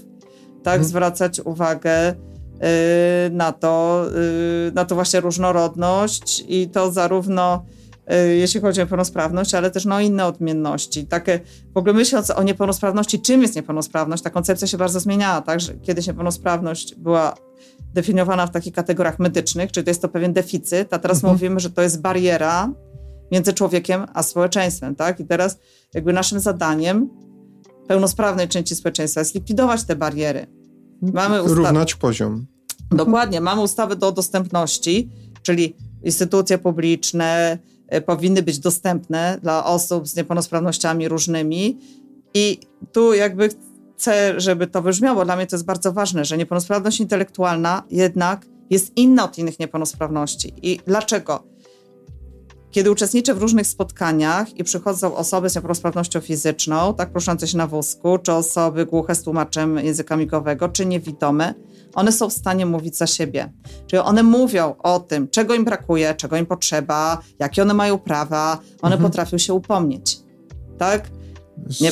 Niepełnosprawni umysłowi nie. Oczywiście. Znaczy, niepełno... oczywiście ta część, która nie no, Oczywiście, może, niepełnosprawność intelektualna charakteryzuje się właśnie tym, że te osoby no, nie mają całościowego oglądu sytuacji, mają wiadomo, ich to nie ma takich umiejętności poznawczych i to jest nasze zadanie, tak, żeby być ich rzecznikami, żeby, ich, żeby zauważyć te osoby, nie pomijać, żeby uwzględnić ich potrzeby i y, tak naprawdę czasem tylko sama zmiana języka, rozumienie słuchowe jest bardzo trudne dla osób z niepełnosprawnością intelektualną. Z moim synem mhm. jest tak, że ja mówię zdanie, ja kończę zdanie, on już nie pamięta początku, bo ma zaburzoną okay. po prostu mhm. pamięć dlatego jest niepełnosprawny, tak? Bo ma zaburzoną mhm. pamięć, koncentrację, a umówmy się, że przetwarzanie słuchowe jest bardzo trudne, mowa jest bardzo trudna.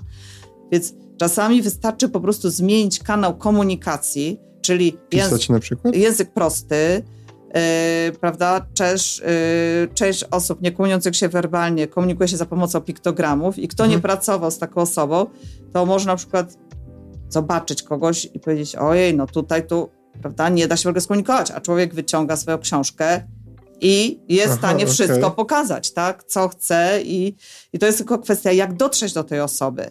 I tak jak czasami widzimy na przykład osobę z porażeniem mózgowym na wózku i od razu zakładamy, że ona jest niepełnosprawna intelektualnie. No nie, ona może być całkowicie w normie.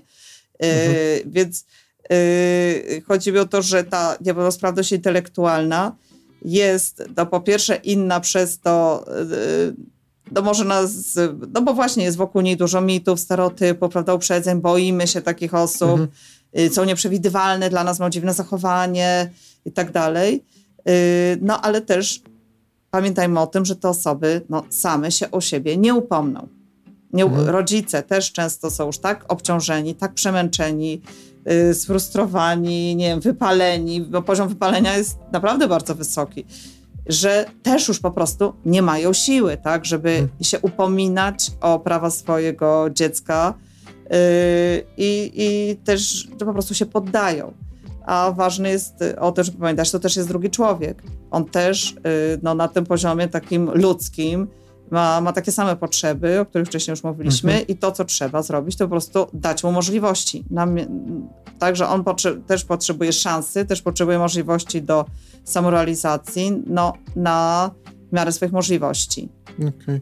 bo mm, jak sobie pomyślę, yy, no właśnie, choćby w postaci akcji, że ktoś może wózkiem wyjechać i gdzieś tam zataranować autobus, bo nie ma podjazdu, taka osoba bez swojego głosu dodatkowego, bez jakiegoś reprezentanta nie zrobi nic. Nie, w żaden sposób nie zamanifestuje tego. E, pani trochę mi opowiedziała poza kamerą o tym, ale chciałem zapytać, gdyby pani była uprzejma opowiedzieć jeszcze raz o tej waszej wewnętrznej wspólnocie, jak to wygląda. To znaczy, jak funkcjonujecie, o co dbacie, o tej granicy też, y, o której rozmawialiśmy, to znaczy, gdzie jest y, otwartość, a bo to też nie wszyscy mogą rozumieć, że zresztą tak jak ja, -hmm. że nie, nie, nie wiedziałem, że wy jesteście takim domem dla tych ludzi, jak każdy ma swój dom i tam y, żyją. I mówimy cały czas o tych osobach które nie są w stanie same funkcjonować w społeczeństwie. Gdyby pani mogła opisać, -hmm. bo to, mhm. to jest. E, no, ja ponownie się zamieniam w słuch, bo to jest naprawdę e, fantastyczna instytucja i jakby sposób podejścia. Y, to nasza wrocławska wspólnota istnieje od 20 lat, tak jak wspomniałam, na Karłowicach. Zapraszamy do nas każdy poniedziałek od 17 do 19. Wtedy mamy drzwi otwarte i funkcjonujemy w ten sposób, że mamy dwa budynki. W jednym budynku jest Dom Pomocy Społecznej Tęcza od 20 lat, a drugi budynek większy, zapraszam do nas, do odwiedzenia nas właśnie ten poniedziałek. Tam na pierwszym piętrze jest Dom Pomocy Społecznej Dom Mamre, a na górze mamy zespół mieszkań chronionych. I w tych dwóch domach pomocy społecznej y, mieszka 13 dorosłych osób z niepełnosprawnością intelektualną, a w zespole mieszkań chronionych y, funkcjonuje, y, żyje kilkanaście osób y, z mniejszym stopniem niepełnosprawności, bardziej niezależnych, które potrzebują mniej wsparcia. I ja chciałabym opowiedzieć, jak funkcjonują domy, czyli nie zespół mieszkań chronionych, tam gdzie właśnie osoby mhm. są bardziej niezależne, pracują na wolnym rynku yy, i to one są częścią wspólnoty, natomiast y, jakby to, czym LARSZ się zajmuje, jako LARSZ na świecie, jesteśmy federacją światową takich domów jak nasz, jest prawie 160 na całym świecie, na różnych kontynentach. Ostatnio mieliśmy właśnie zgromadzenie federacji.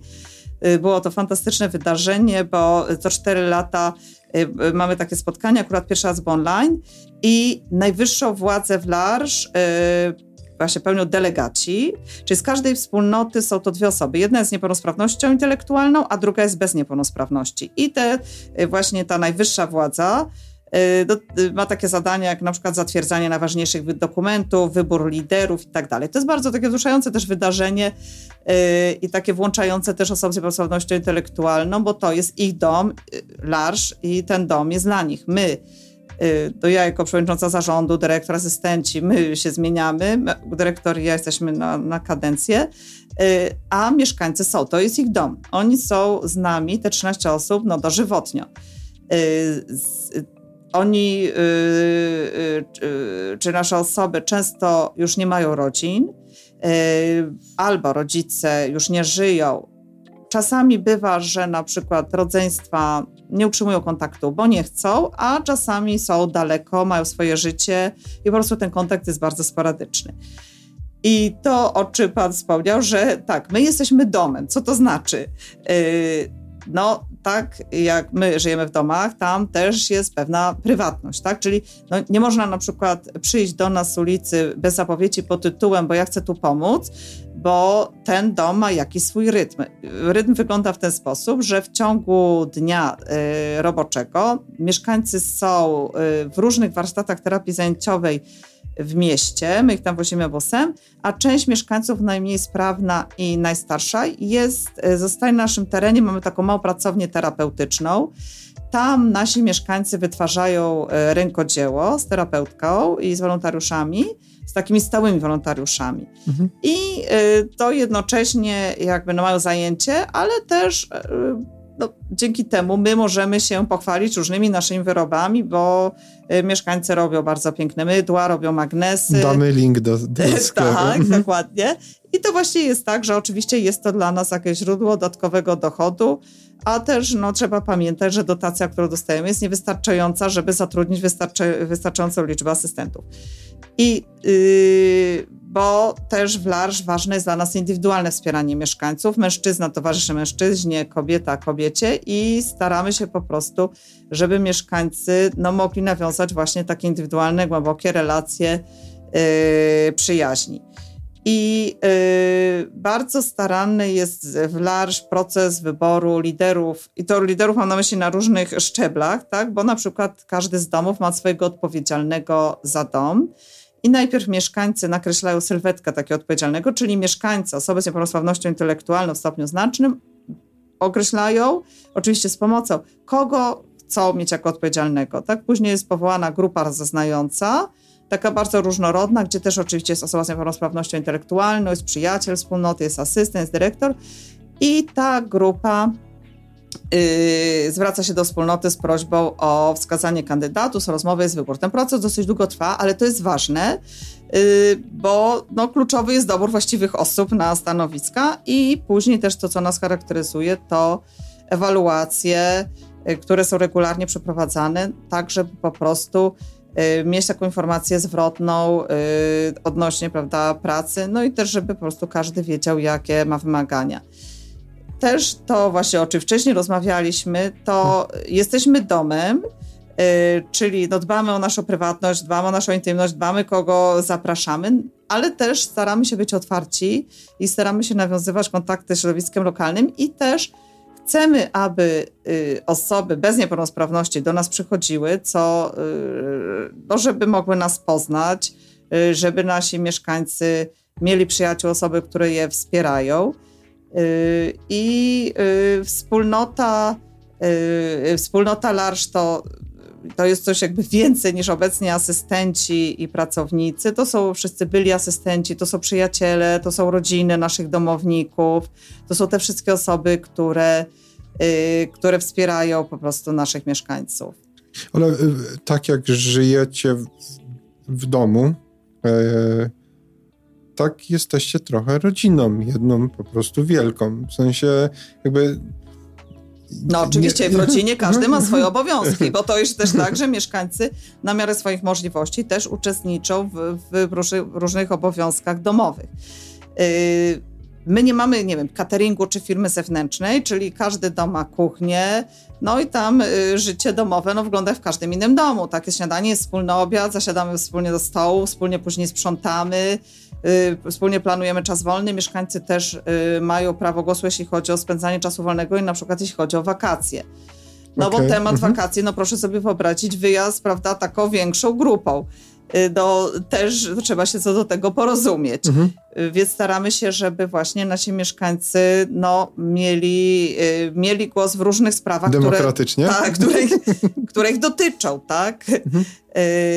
Mieszkańcy mają swoje, swoje pokoje i w tych pokojach mają no, to rzeczy, które chcą mieć, a niektóre po prostu nie wiem, są w jakiś sposób im narzucone, bo staramy się, mhm. żeby, żeby czuli, że są sprawczy, że mają wpływ, Są I że uczest... tak, oni są u siebie i to zawsze musimy pamiętać, że mieszkańcy są u siebie. To jest ich dom i mieszkańcy po prostu yy, chcemy, żeby się tam dobrze czuli i, do, i staramy się im zapewnić bezpieczne warunki i, i takie życie, no takie pełne życie, no takie, które, którego no sami my, my doświadczymy jako osoby pełnosprawne. Hmm. To wygląda w ten sposób praktycznie, że y, asystenci to często są młode osoby, y, natomiast nasi mieszkańcy, no y, przyszli do nas, niektórzy już 20 lat temu, są 20 lat z nami, czyli wtedy 20 lat temu byli młodsi, a teraz są to osoby w średnim wieku. Część już jest starsza, więc mamy w perspektywie, y, no, że będą się starzeć, prawda, podupadać na zdrowiu i jakby musimy tu ich jeszcze bardziej zaopiekować, y, no bo oni są z nami na zawsze, tak jak powiedział, to jest ich dom, oni nie mają innego domu i no i tak jak w domu, no wspieramy, wspieramy jedni drugich. To jest taka bardzo duża odpowiedzialność nasza, prawda, bo, hmm. no po prostu mamy pod opieką osoby, może nie lubię tego sformułowania pod opieką, no ale tak już powiedziałam, mhm. wspieramy mhm. osoby, wspieramy osoby zależne, no dla których no to jest jedyne miejsce i, i, to jest właśnie ta wspólnota i naszym zadaniem jest stworzyć im takie warunki, no, które są dla nich po prostu optymalne.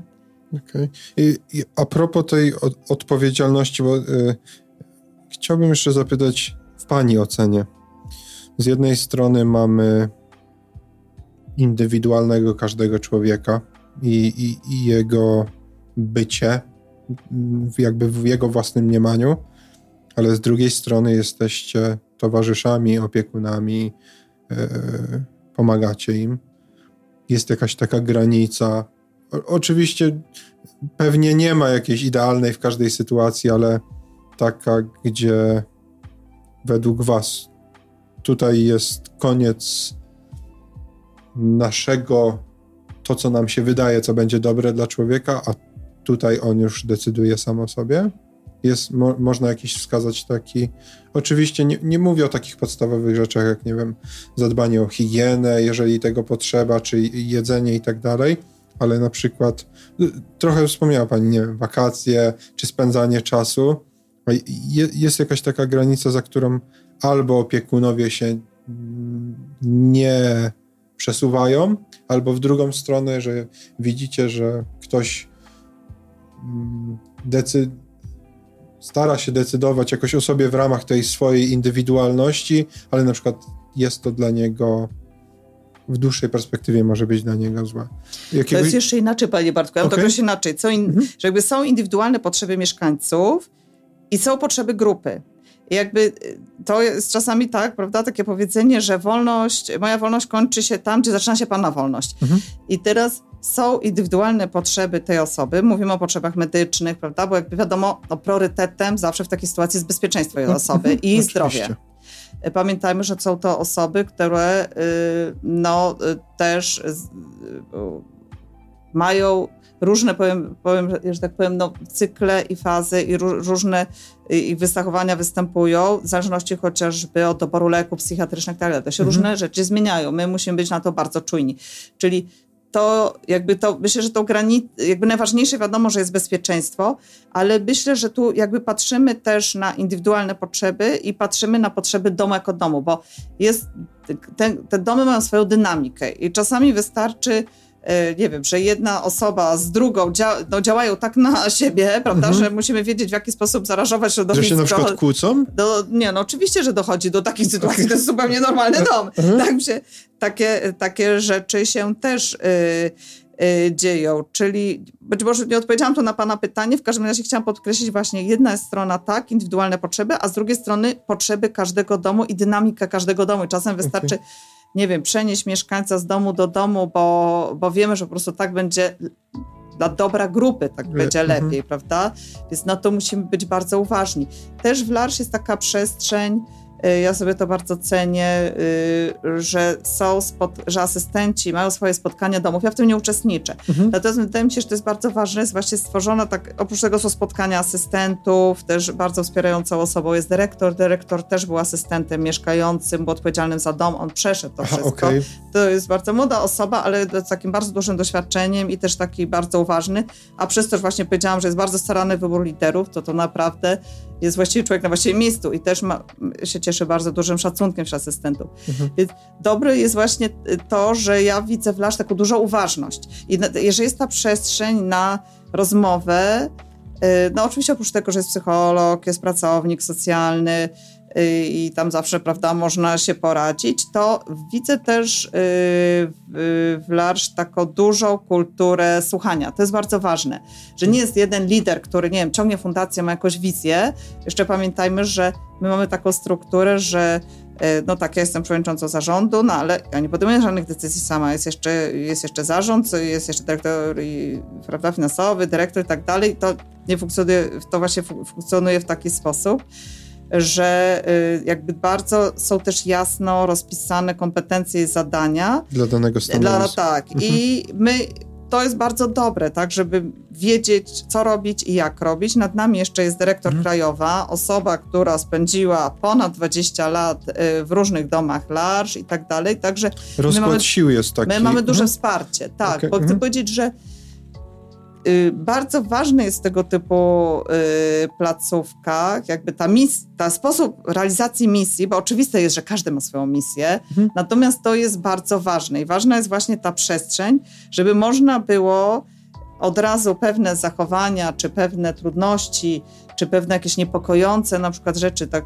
tak jak powiedziałam, to bezpieczeństwo jest najważniejsze i jednak te osoby mają więcej problemów zdrowotnych niż osoba bez niepełnosprawności, tak? I jak się starzeją, to też te problemy nasilają, nasilają się. No oczywiście, osoba, która spędza całe życie na wózku, yy, prawda, w takiej prawda, to jest inna osoba w wieku nie, 50 kilku lat niż osoba, która się porusza samodzielnie, tak? A jeszcze mówię o sobie mhm. no, z trudnością w mówieniu i z niepełnosprawnością. Także, y, także myślę, że taka uważność z naszej strony y, jest ważna i ja sobie to cenię, że właśnie jest ten czas, żeby y, zapla zaplanowany specjalnie czas. Tak? No właśnie, właśnie na to chciałem zwrócić uwagę, że bardzo dużo i oczywiście w dobrym tego słowa znaczeniu, tak jak pani powiedziała, jest bardzo dużo rzeczy przygotowanych z wyprzedzeniem, że tak. trzeba przejść pewną drogę, choćby jak w przypadku nowych y, y, opiekunów potencjalnych, że to nie jest dzisiaj przychodzisz i już, bo to jest bardzo skomplikowane, gdzie trzeba uwzględnić relacje, y, to jak to funkcjonuje, co to za człowiek i tak dalej, że, że to zapobiega sporej ilości już kłopotów przez to, że to jest zaplanowane. tak, rozmawialiśmy o tym, że mhm. jest cały proces wprowadzania nowych asystentów. Także zawsze mówimy właśnie nie, że na zasadzie przychodzi człowiek i, i tego samego dnia kąpie osobę. Tak, no nie, no to mhm. jest absolutnie wykluczone. Jakby dla nas y, wspólnota y, jest otwarta, oczywiście, że jesteśmy otwarci na nowe osoby, potrzebujemy nowych osób, ale też się im przyglądamy, bo też wiemy, kogo potrzebujemy, znamy naszych mieszkańców, znamy ich potrzeby. I ten nie jest tak też, że ktoś przychodzi i natychmiast, no nie wiem, oczekujemy, że wszystko będzie wiedział, bo czasami tak jest. Albo tak? potrafił. E, Dokładnie, mhm. że nauczyciel przychodzi nowy do pracy, pierwszy dzień w zawodzie i już wszystko ma wiedzieć, tak? No skąd mhm. ma to wiedzieć? No, na studiach no, nie byliśmy tego uczeni, prawda? Nawet mhm. jak ktoś ma przygotowanie pedagogiczne, to niekoniecznie znaczy, że on wszystko wie od pierwszego dnia pracy. W związku z tym u nas ten proces prowadzenia trwa długo, bo też y, zdajemy sobie z tego sprawę, że właśnie ważne jest, żeby ta osoba zrozumiała po kolei i była wprowadzana w swoje obowiązki w sposób taki system, usystematyzowany, y, mhm. czyli y, nie, jakbyś to, bo ten brak tego chaosu, czy właśnie ten taki porządek, no po prostu ułatwia pracę i tej osobie, i wszystkim dookoła. I wszystkim dookoła. Mhm. A nam też zależy, no, żeby nasi mieszkańcy no, y, mieli do czynienia z osobami, które zachowują się w sposób przewidywalny i to, że po prostu dostawali jak najlepsze wsparcie. dla dobra tych... Oczywiście, bo dobrem mhm. jest ciągle dobro mieszkańca. No, Pamiętam, mieszkaniec jest centrum.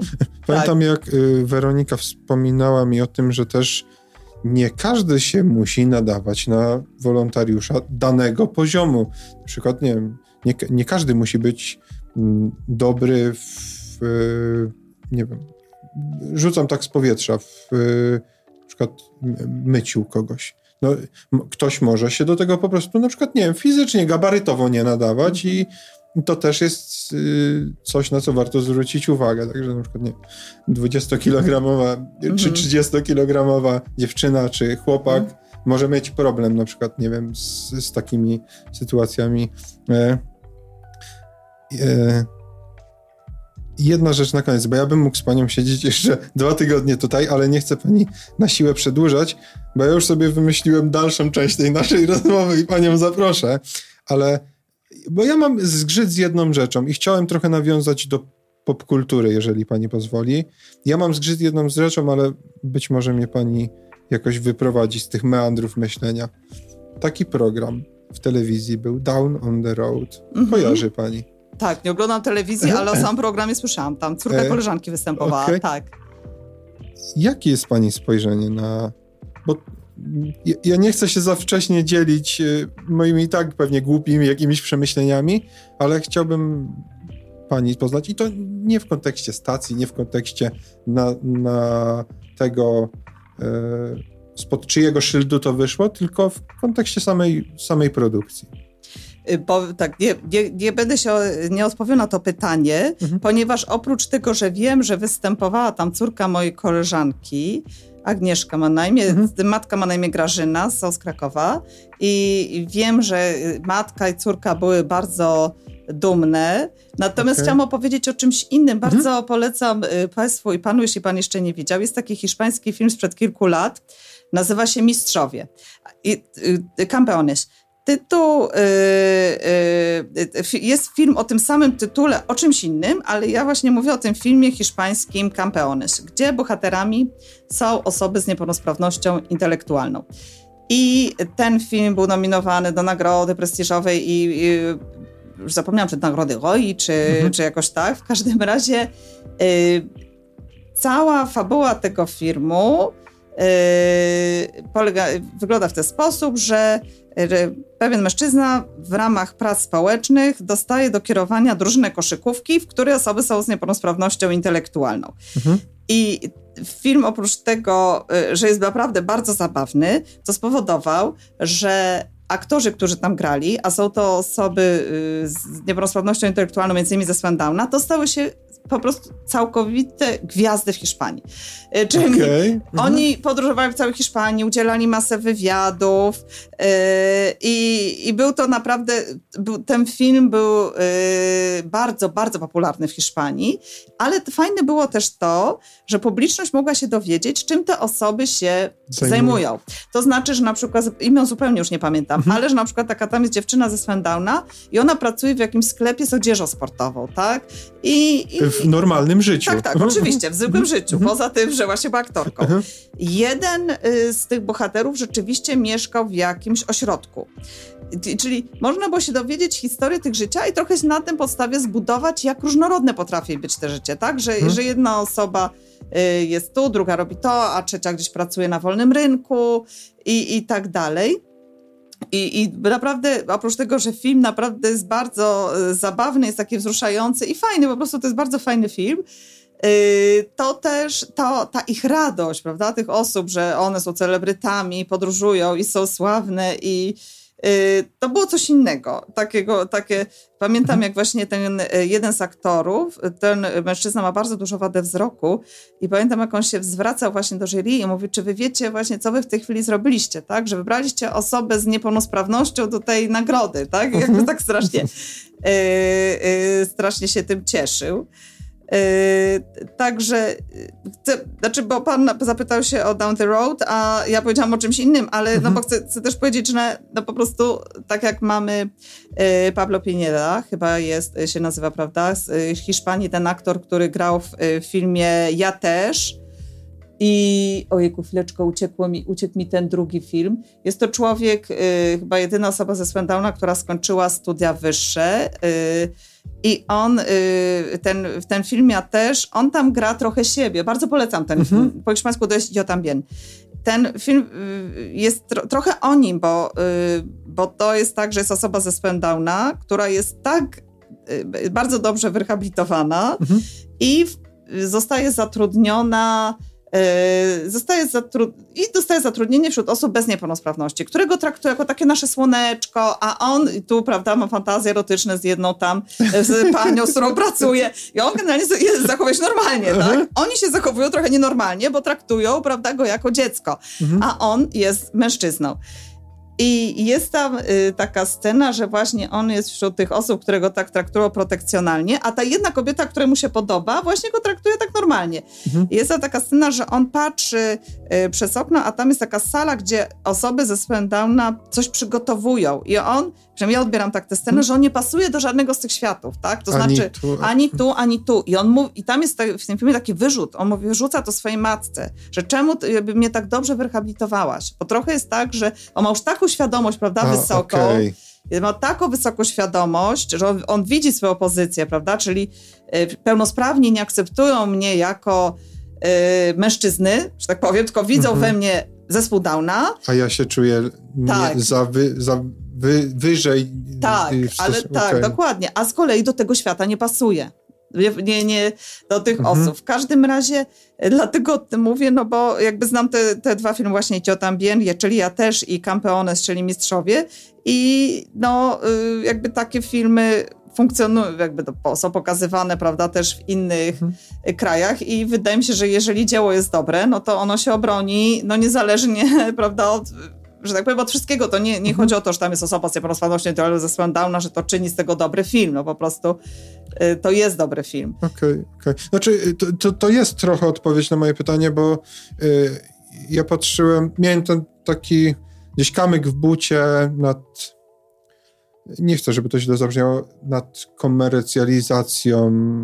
W sensie, że y, tak mi to wydawałoby się, pewnie błędnie, jak zwykle pewnie jestem w błędzie, że ktoś wyczuł potencjalne pieniądze może w tym programie za bardzo.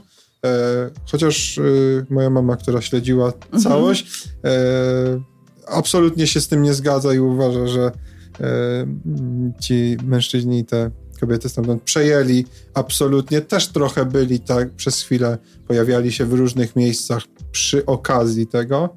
Nie, to, to był tylko jakiś, mam jakiś taki dziwny awers, ale pewnie to jest jakaś głupota. Zmierzając do końca, pytania dla każdego, które pojawiają się takie same. Najlepiej wydane 100 zł w życiu.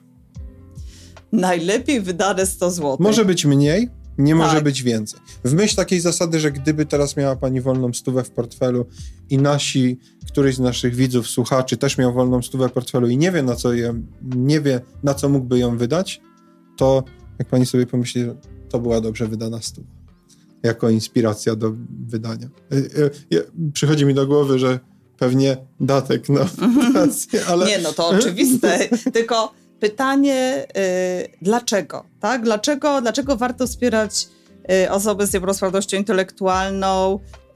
Y, dlaczego Fundacja Larsz, a nie inna organizacja, prawda? Że jest dużo mhm. organizacji, które wspierają osoby z niepełnosprawnością intelektualną. Ja powiem tak, ja przyszłam do Larsz przyglądając się szukając miejsca, które będzie wiarygodne, które działa na dobrych zasadach, yy, jasnych zasadach, to jest bardzo ważne. Yy, I jakby pierwsze jest yy, fundacja, która budzi zaufanie. I, I, dlaczego Larsz jest wiarygodna? No, mhm. jesteśmy od ponad 40 lat w Polsce. Y, wykonujemy takie zadanie nie tylko akcyjne, prawda? Mhm. My wspieramy osoby dzień po dniu, każdego dnia od 20 lat. Y, Żyjecie z tymi Żyjemy ludźmi. z tymi osobami, tak? Jakby to, y, to, to nie jest, tak jak powiedziałam, jednorazowa akcja, to jest po prostu nasza praca y, dzień po dniu. Na pewno, tak jak panie Bartku, pan powiedział, datek na Fundację Larsz, ale do tego wydaje mi się, że Zaprosiłabym przede wszystkim taką osobę, żeby przyszła nas poznać, żeby przyszła zobaczyć nasze osoby. Yy, I teraz można popatrzeć tak, no jakby dlaczego są zależni, to dlaczego osoby są zależne, tak? No mhm. jakby to, że z, urodzili się z niepełnosprawnością intelektualną, yy, tak się stało. Niezależnie mhm. od nich, czy tego chcieli, czy nie chcieli. Oni są, będą z nami, yy, są od nas całkowicie zależni i to, jak my im zorganizujemy yy, ich życie. Yy, jak wyrównamy szanse. Jak wyrównamy szanse, no to jakby zależy to, to jest nasza odpowiedzialność. Ja bym powiedziała, że dlatego, że że powinniśmy być solidarni z takimi osobami. To też to jest drugi człowiek, który czuje, ja bym powiedziała, że nawet mocniej niż osoba bez niepełnosprawności. Okay. Miejmy świadomość, że te osoby naprawdę bardzo mocno przeżywają yy, obecność drugiego człowieka, różne sytuacje, yy, okazują radość w sposób żywiołowy, smutek również. I każdy z nas chce czuć się dla kogoś ważny i oni też mają taką potrzebę. Myślę, że zamiast może, że, że zanim może to 100 złotych, tak, bo 100 złotych tak, oczywiście pieniądze są bardzo ważne, bo mhm. dzięki nim no, możemy funkcjonować. Yy, to zanim to 100 złotych, to zaprosiłabym do poznania nas, do, tak jak ja mówię o naszych mieszkańcach, to jest jakaś abstrakcja, tak? To są konkretne osoby, mhm. konkretne historie, Y, konkretne uśmiechy, bo jak myślę o nich, to jest za tym naprawdę bardzo dużo radości, bo też możemy sobie wyobrażać i szkoły specjalne i takie miejsca, takie, takie miejsca smutne, tak? A prawda mhm. jest taka, że że u nas się bardzo dużo dzieje. Jest cały czas jakieś świętowanie, bo no, w takim dużym domu to albo ktoś ma urodziny, albo imieniny, albo kogoś witamy, albo kogoś mhm. żegnamy i tak dalej. Mhm. Więc są to też takie miejsca, że często jest tak, że przychodzą do nas ludzie, yy, jak chcą być asystentami i odchodzą z, tako, z takimi słowami, że dostali więcej niż dali, bo nasze osoby bardzo dużo dają. Dają, okay. dają całe swoje serce, dają swoją spontaniczność, yy, dają nie ma dzisiaj, nie ma wczoraj, często po prostu jest tu i teraz, tak? I teraz się sobą cieszymy i, i jakby i jakby też ten kontakt, który osoby nasze nawiązują, mhm. y, jest y, taki bardzo autentyczny.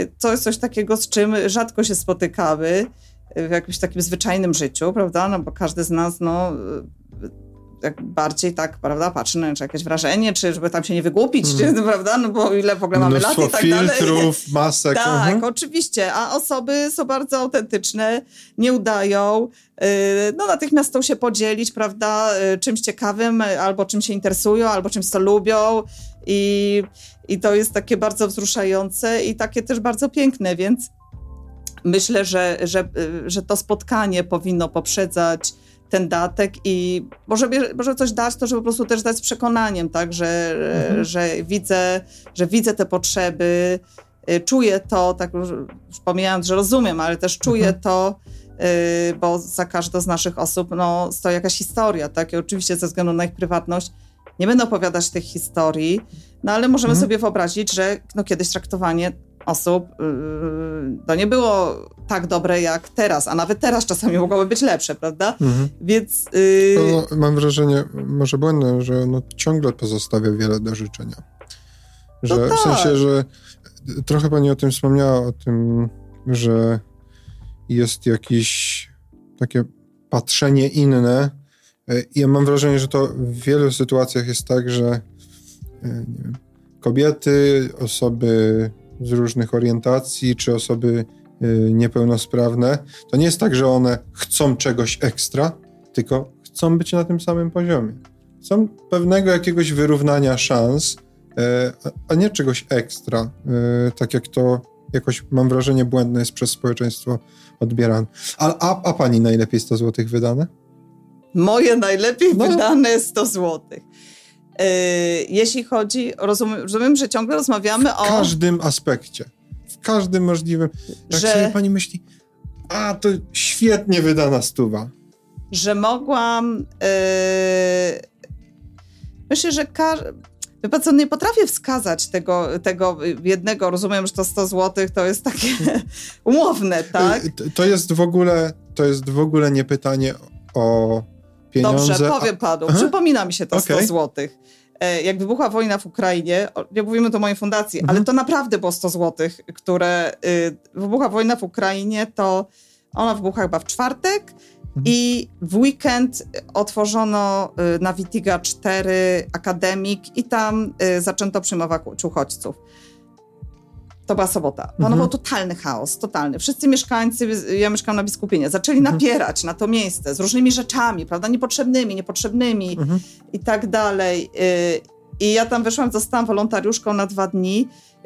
No mieszkańcy, pamiętam, że tam y, zaczęli tak zrzucać różne rzeczy, że jakieś tam kotlety czy pierogi, to po kilku dniach w ogóle spod jakichś ubrań mi się na przykład znalazło. Natomiast była rzeczywiście taka sytuacja, że ci, ci ludzie z Ukrainy, którzy tam przyjechali, przyjechali w tak, niektórzy byli w takiej panice, prawda? I bo mhm. pamiętam, że był taki mężczyzna, e, jakiś taki zupełnie przerażony i on powiedział, że on chce uciekać dalej z rodziną, a miał takie malutkie dziecko, naprawdę bardzo małe, i on powiedział, że on chce uciekać, że przyjechał tu samochodem, ale skończyło mu się paliwo i zabrakło na benzynę. I ja wyciągnęłam właśnie to 100 zł mm -hmm. i mhm. powiem panu, że yy, wdzięczność tego człowieka w oczach, ona nie miała ceny. I to yy, nie wiem, jak on dalej uciekał. Wiem, że wtedy jak wybuchła wojna, to różne ekstremalne sytuacje się działy -hmm. i po prostu wszyscy, prawda, może nie wszyscy, no ale dużo osób było zaangażowanych i teraz się nad tym zastanawiamy, a może on naciągał, może nie uciekał, a wtedy po prostu otwierał Impuls. się portfel. -hmm i się wydawało y, te pieniądze i mówię, okej, okay, dobrze, no może nie, y, może 100 zł lepiej było przeznaczone na szczepionkę tam, prawda, do Afryki mhm. i wtedy uratowałabym to życie, ale, ale ja miałam tu takie przekonanie, że ja tu też ratuję jakieś życie, tak, bo ci ludzie byli w takiej panice i wiedziałam, że, takie czułam, że ten człowiek ma gdzieś tam to miejsce i, i to malutkie dziecko, yy, które, yy, które chcą, on chce uratować. I jakby tylko to 100 zł okay. pamiętam po prostu. Ale to, bo, bo to pytanie, e, ono, ono ma swoje drugie dno, bo to ja pytam raczej o powody, a znaczy w sensie przez to, co ktoś mówi, bardzo można klarownie odczytać, czym się kieruje. No pani mm, o naj, takiej najbardziej y, mi bliskiej formie, czyli na drugiego człowieka sensie pieniądze najlepiej wydane na drugiego człowieka, bo to jest, ja wiem, że to może być totalnie nieintuicyjne, a to pojawiają się różne odpowiedzi, e, mhm. ale, ale do, drugie dno tego pytania jest takie, że to, co ktoś powie, bardzo dużo mówi o nim, a nie o tej rzeczy absolutnie, na którą, na którą e, ale to bardzo piękne, że na Natomiast drugiego Natomiast chcę powiedzieć, Aha. że właśnie z tego, y, y, z tej, Y, właśnie te, z tego mojego, że tak powiem, tam działania na, mhm. w tym, na tego Wittiga takiego intensywnego, yy, to zawsze jest tak, że dzieje się, prawda, ja mam taką teorię, dzieje się coś dramatycznego i, i później z tego wynika coś dobrego.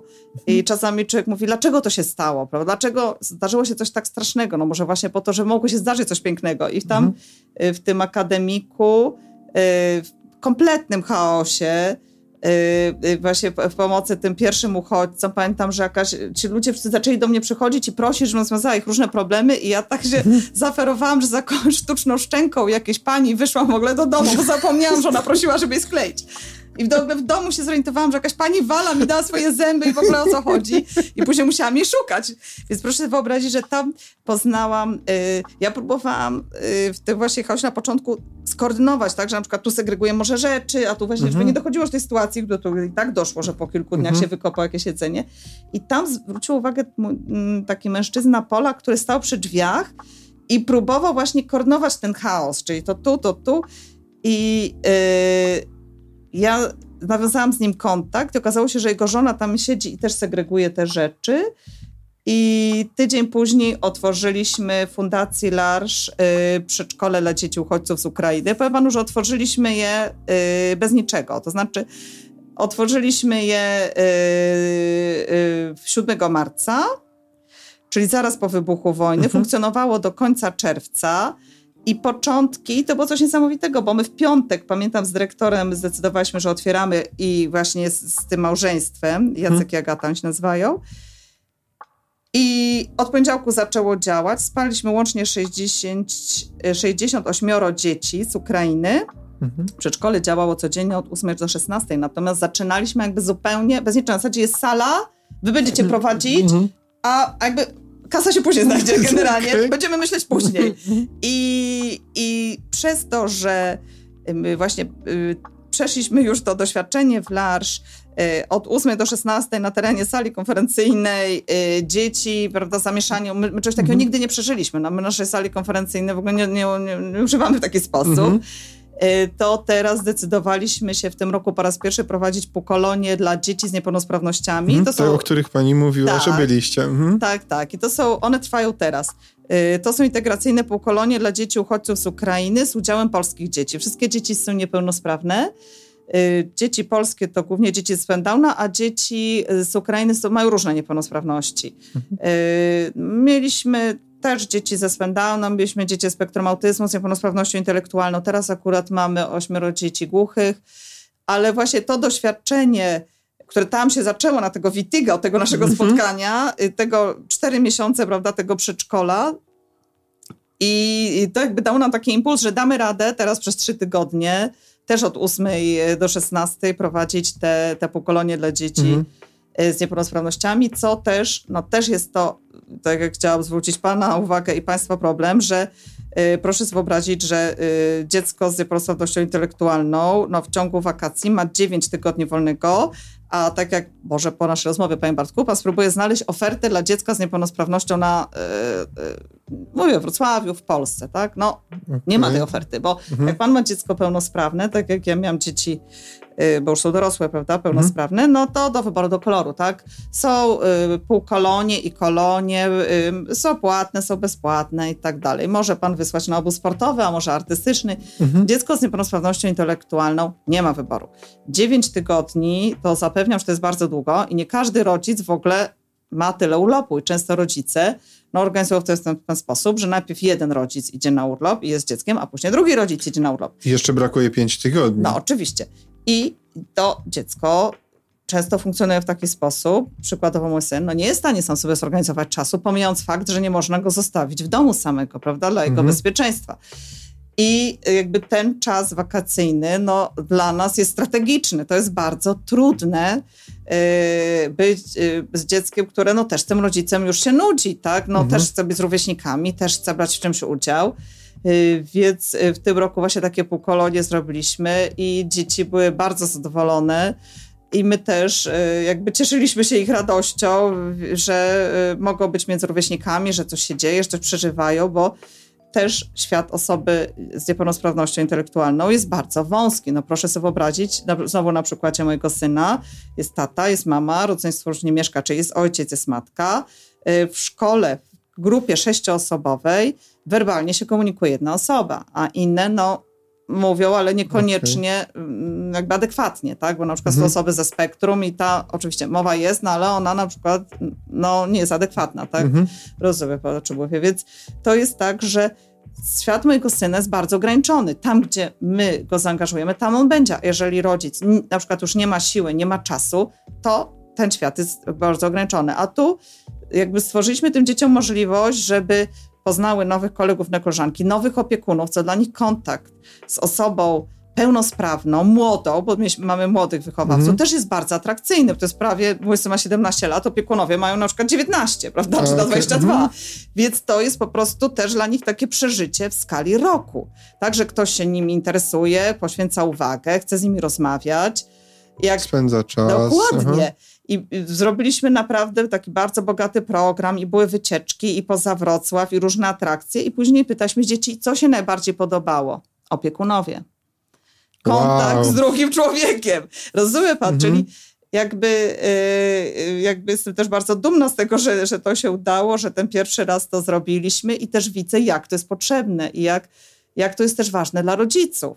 Tak, że, mhm. yy, że, że mogą to dziecko Y, przekazać do grupy, gdzie wiadomo, że grupa jest przygotowana no, mhm. i właśnie na dziecko, czy ze Spendowna, czy z jakąś inną niepełnosprawnością, bo wiadomo, tu czasami są też jakieś diety, jakieś inne wymogi. Trzeba I, mieć zaplecze jakby do tego wszystkiego. tak, mhm. trzeba to wszystko zaplanować. Natomiast do, yy, bo mówiliśmy dużo o edukacji, prawda, a, albo o, o środkach dziennych, a tak naprawdę pamiętajmy, że osoba z niepełnosprawnością intelektualną często nie jest sama w stanie za, zaplanować sobie sensownego spędzania czasu, tak? Mhm. Poza y, na przykład y, gapieniem się w telewizor cały czas albo siedzeniem przed komputerem, no bo często po prostu no, nie potrafi tego. No właśnie na tym polega ta niepełnosprawność, tak? Że Mhm. trzeba ten czas jakoś sensownie tej osobie zaproponować, zorganizować, a y, no, możliwości rodzica są ograniczone i też to jak bardzo jest to atrakcyjnie, prawda, dla, Mhm. dla, dla samego tego dziecka, a w grupie, prawda, jest to jakby po prostu ciekawsze i, i to, to ciągle jest to, co pan mówi. Ja nie oczekuję czegoś ekstra, ja oczekuję po prostu jak- Normalnego. normalności, Mhm. tak, jakiejś możliwości. Jeżeli dziecko bez niepełnosprawności wiem, że i na poziomie Wrocławia i Polski ma bardzo różne możliwości, bo też do tej pory tego nie powiedzieliśmy, no ale chyba to jest zupełnie oczywiste, że poza tym, że osoba z niepełnosprawnością intelektualną ma niepełnosprawność, to ma też swoją osobowość. Jakby to jest bardzo ważne, żeby to pamiętać. Ten człowiek no nie rodzi się jak biała karta i po prostu jest niepełnosprawny, tylko ma swoje jakieś mocne strony, e, swoje Mhm. upodobania, swoje zainteresowania. Jeden ma większe predyspozycje, prawda, sportowe, a inny jest mm, urodzonym artystą Artysta. Mhm. i tak dalej. I to jakby też trzeba myśleć jakby o tych osobach nie jako, nie wiem, niepełnosprawny, tak, tylko dlatego mówimy osoba z niepełnosprawnością, tak, czyli po pierwsze jest osoba. Czasami trudno jest nam rozróżnić, co jest jakby cechą tej osoby, a co jest jakby już kwestią związaną z niepełnosprawnością, prawda? A co z jakimś, no, przepraszam, jestem też matką, więc mogę tak powiedzieć, takim zaniedbaniem prosto wychowawczym, tak? Że na przykład to, Mhm. czyli to dziecko tak się zachowuje, bo po prostu... Nie poświęcono na przykład odpowiedniej Dokładnie. ilości czasu. Tak, tak. Ale to też jest, ma, y, przepraszam, jeszcze y, dodam, to też jest rola nie tylko rodziców, ale i opiekunów, i towarzyszy, żeby starać się wyciągnąć też te rzeczy, które są ukryte talenty tych. No, y, oczywiście. Ale do tego potrzeba spędzania czasu. i- Oczywiście do Mhm. tego trzeba zbudować relacje, a to Okej. wszystko wymaga czasu i jakiejś takiej uważności. Ale jest to możliwe i to, to właśnie na tych naszych pokoleniach było widać, że to jest widać, bo one ciągle Mhm. trwają, obecnie trwa trzeci turnus, że to jest możliwe. Ja ogólnie myślę, że, że w ogóle dużo jest możliwe, tak? Że potem jak, nie wiem, co jakby podejmujemy w fundacji ciągle nowe wyzwania i ciągle się, się dzieje coś innego, i każde tak być takie następne, prawda, każde y, takie działanie, które nam się uda, jakby nas zachęca do tego, okej, no to spróbujmy, spróbujmy coś następnego. Do tego też wiadomo, że potrzebne są osoby, które, y, tak jak dzięki Panu, będą nas znały, będą wiedziały w ogóle, czym się zajmujemy, zaufają nam, bo na przykład zorganizowanie wypoczynku y, młodzieży z niepełnosprawnością intelektualną no wymaga oprócz tego, że zatrudnienia naprawdę wielu opiekunów, no więcej, prawda, to jeszcze musimy mieć wolontariuszy, bo część y, z naszych uczestników no, wymaga indywidualnego wsparcia. Taka Mhm. jest prawda, że nie są w stanie uczestniczyć w zajęciach grupowych i po prostu... Ktoś musi fizycznie z nimi cały czas Oczywiście. być. Mhm. I y, mając na uwadze ich potrzeby, o tym teraz właśnie rozmawiamy, no odpowiadając na te potrzeby, no musi być osoba dedykowana po prostu tej jednej osobie, a do tego są nam właśnie potrzebni wolontariusze, czyli wracając do pana 100 zł, najpierw zapraszamy do nas, tak, bo y, a 100 zł, tak, y, czy inaczej się y, przyda, Przyda, tak? oczywiście. E, ja mam tutaj w tym, w tym elemencie e, ostatnim pytanie o szczęście i czym jest szczęście, ale ja myślę, że po tym, co pani opowiedziała i po tym, co pani robi, tutaj nie trzeba nic dodawać i wystarczy postawić kropkę. Ale ciekawi mnie ostatnia rzecz, przedostatnia właściwie już, i już panią puszczam. Oprócz Larsz, są jakieś inicjatywy i skupmy się tutaj na Wrocławiu. Może nie kon... to nie muszą być inicjatywy z pani branży. Y, Mhm. W sensie to nie muszą być inicjatywy związane, ale oczywiście mogą, które pani śledzi, a warto, żeby więcej osób o nich usłyszało. Coś, coś małego, coś czemu brakuje informacji, ludzie nie słyszeli, albo wręcz takie, które działają już od dawna poza Larsz. Wszystkie linki i tak wstawimy do Was y, w opisie odcinka, ale jest, jest coś takiego, chyba że nie ma jakiejś specjalnie takiej, która, na którą warto by było zwrócić uwagę, to też bez, bez jakiegoś zbędnego szukania na siłę. Ale widzi Pani jakąś takie I tutaj idea, stowarzyszenie, organizacja, fundacja, grupa ludzi, jakaś inicjatywa społeczna, coś, co, na co tutaj u nas warto zwrócić uwagę we Wrocławiu? Y, no, tak, panie Marku, tak jak pan się zorientował, rzeczywiście mnie y, bardziej y, interesuje wspieranie ludzi niż na przykład zwierząt, niż kultury. Mhm. To na pewno. I z tego, co pan wymienił, to znaczy właśnie z, z tego, co pan pyta, to ja bym zachęcała w ogóle do, y, w ogóle ogólnie do aktywności, do wyjścia swo, spoza swoją bańkę, wyjścia z domu, zainteresowania się potrzebami, przede wszystkim lokalnymi, mhm. Y, co lokalnie w mojej dzielnicy, y, prawda, co się dzieje i przede wszystkim no, patrzenie, gdzie jest potrzeba.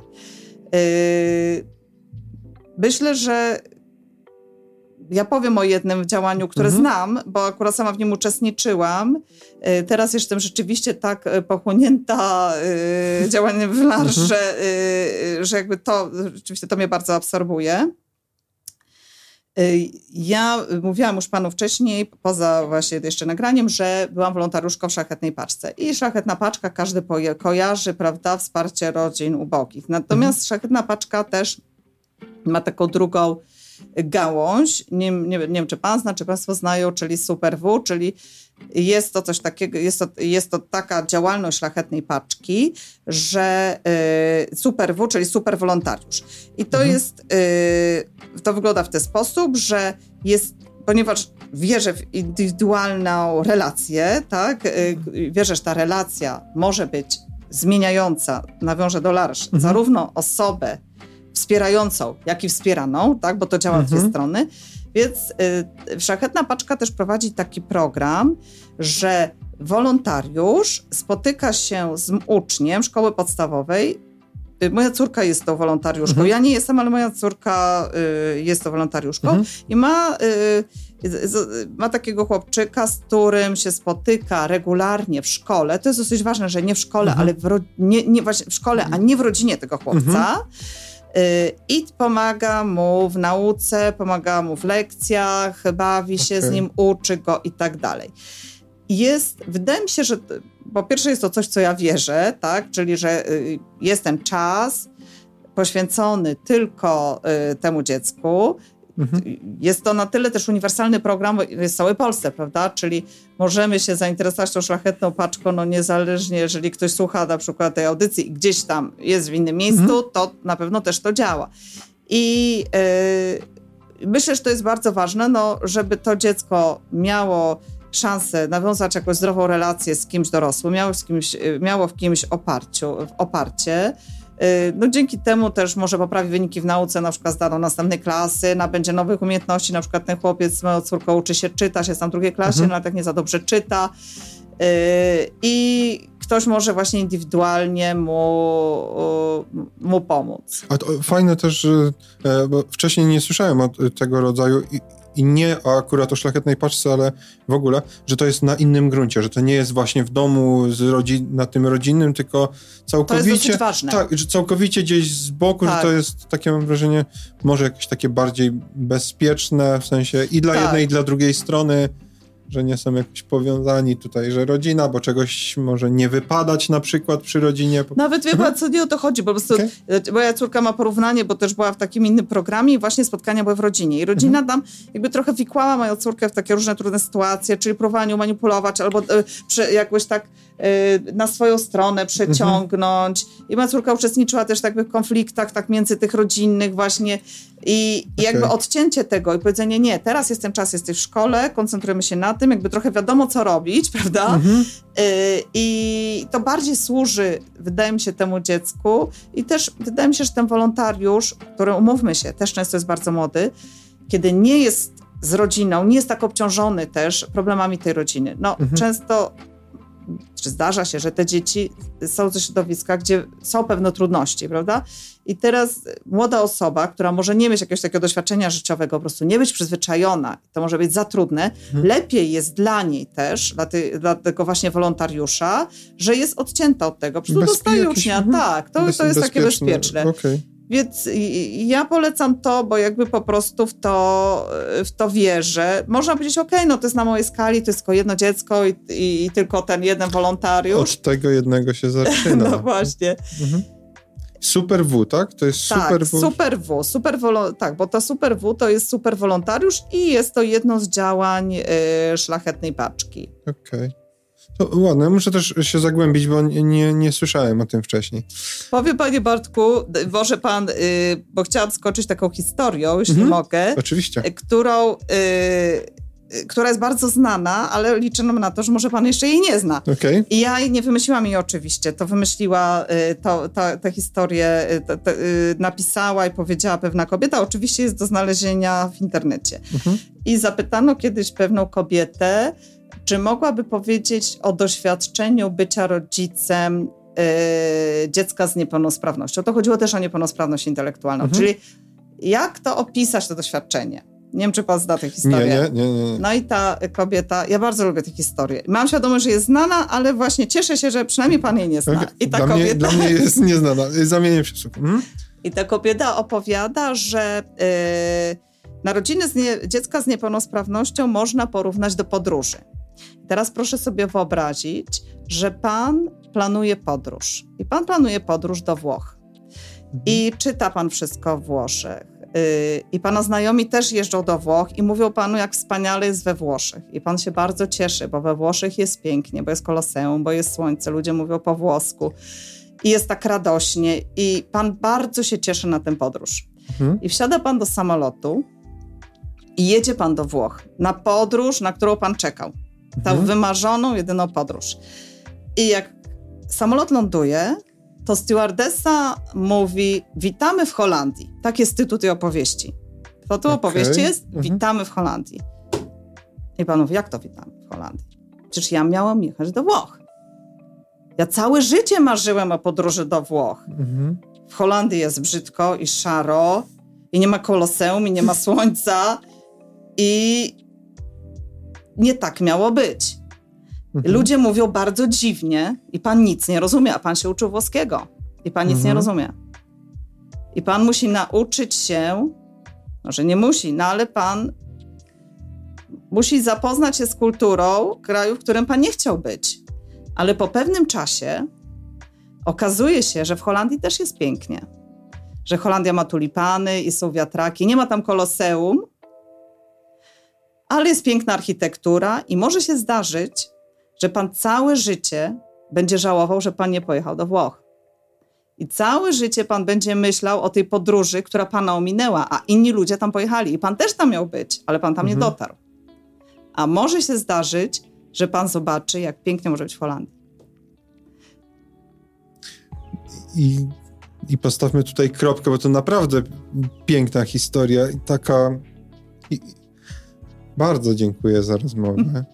E, ja, na pewno przyjdzie mi do głowy, bo ja już mam jakąś konstrukcję, więc pewnie się przypomnę za jakiś czas, e, żeby panią zaprosić jeszcze. Bo wydaje mi się, że to był jakiś taki wstęp dla, i dla mnie, i dla wszystkich, którzy słuchali i oglądali, do podróży do Holandii, mm. bo to mam wrażenie, że wylądowaliśmy e, i, i i coś tam zobaczyliśmy w tej Holandii.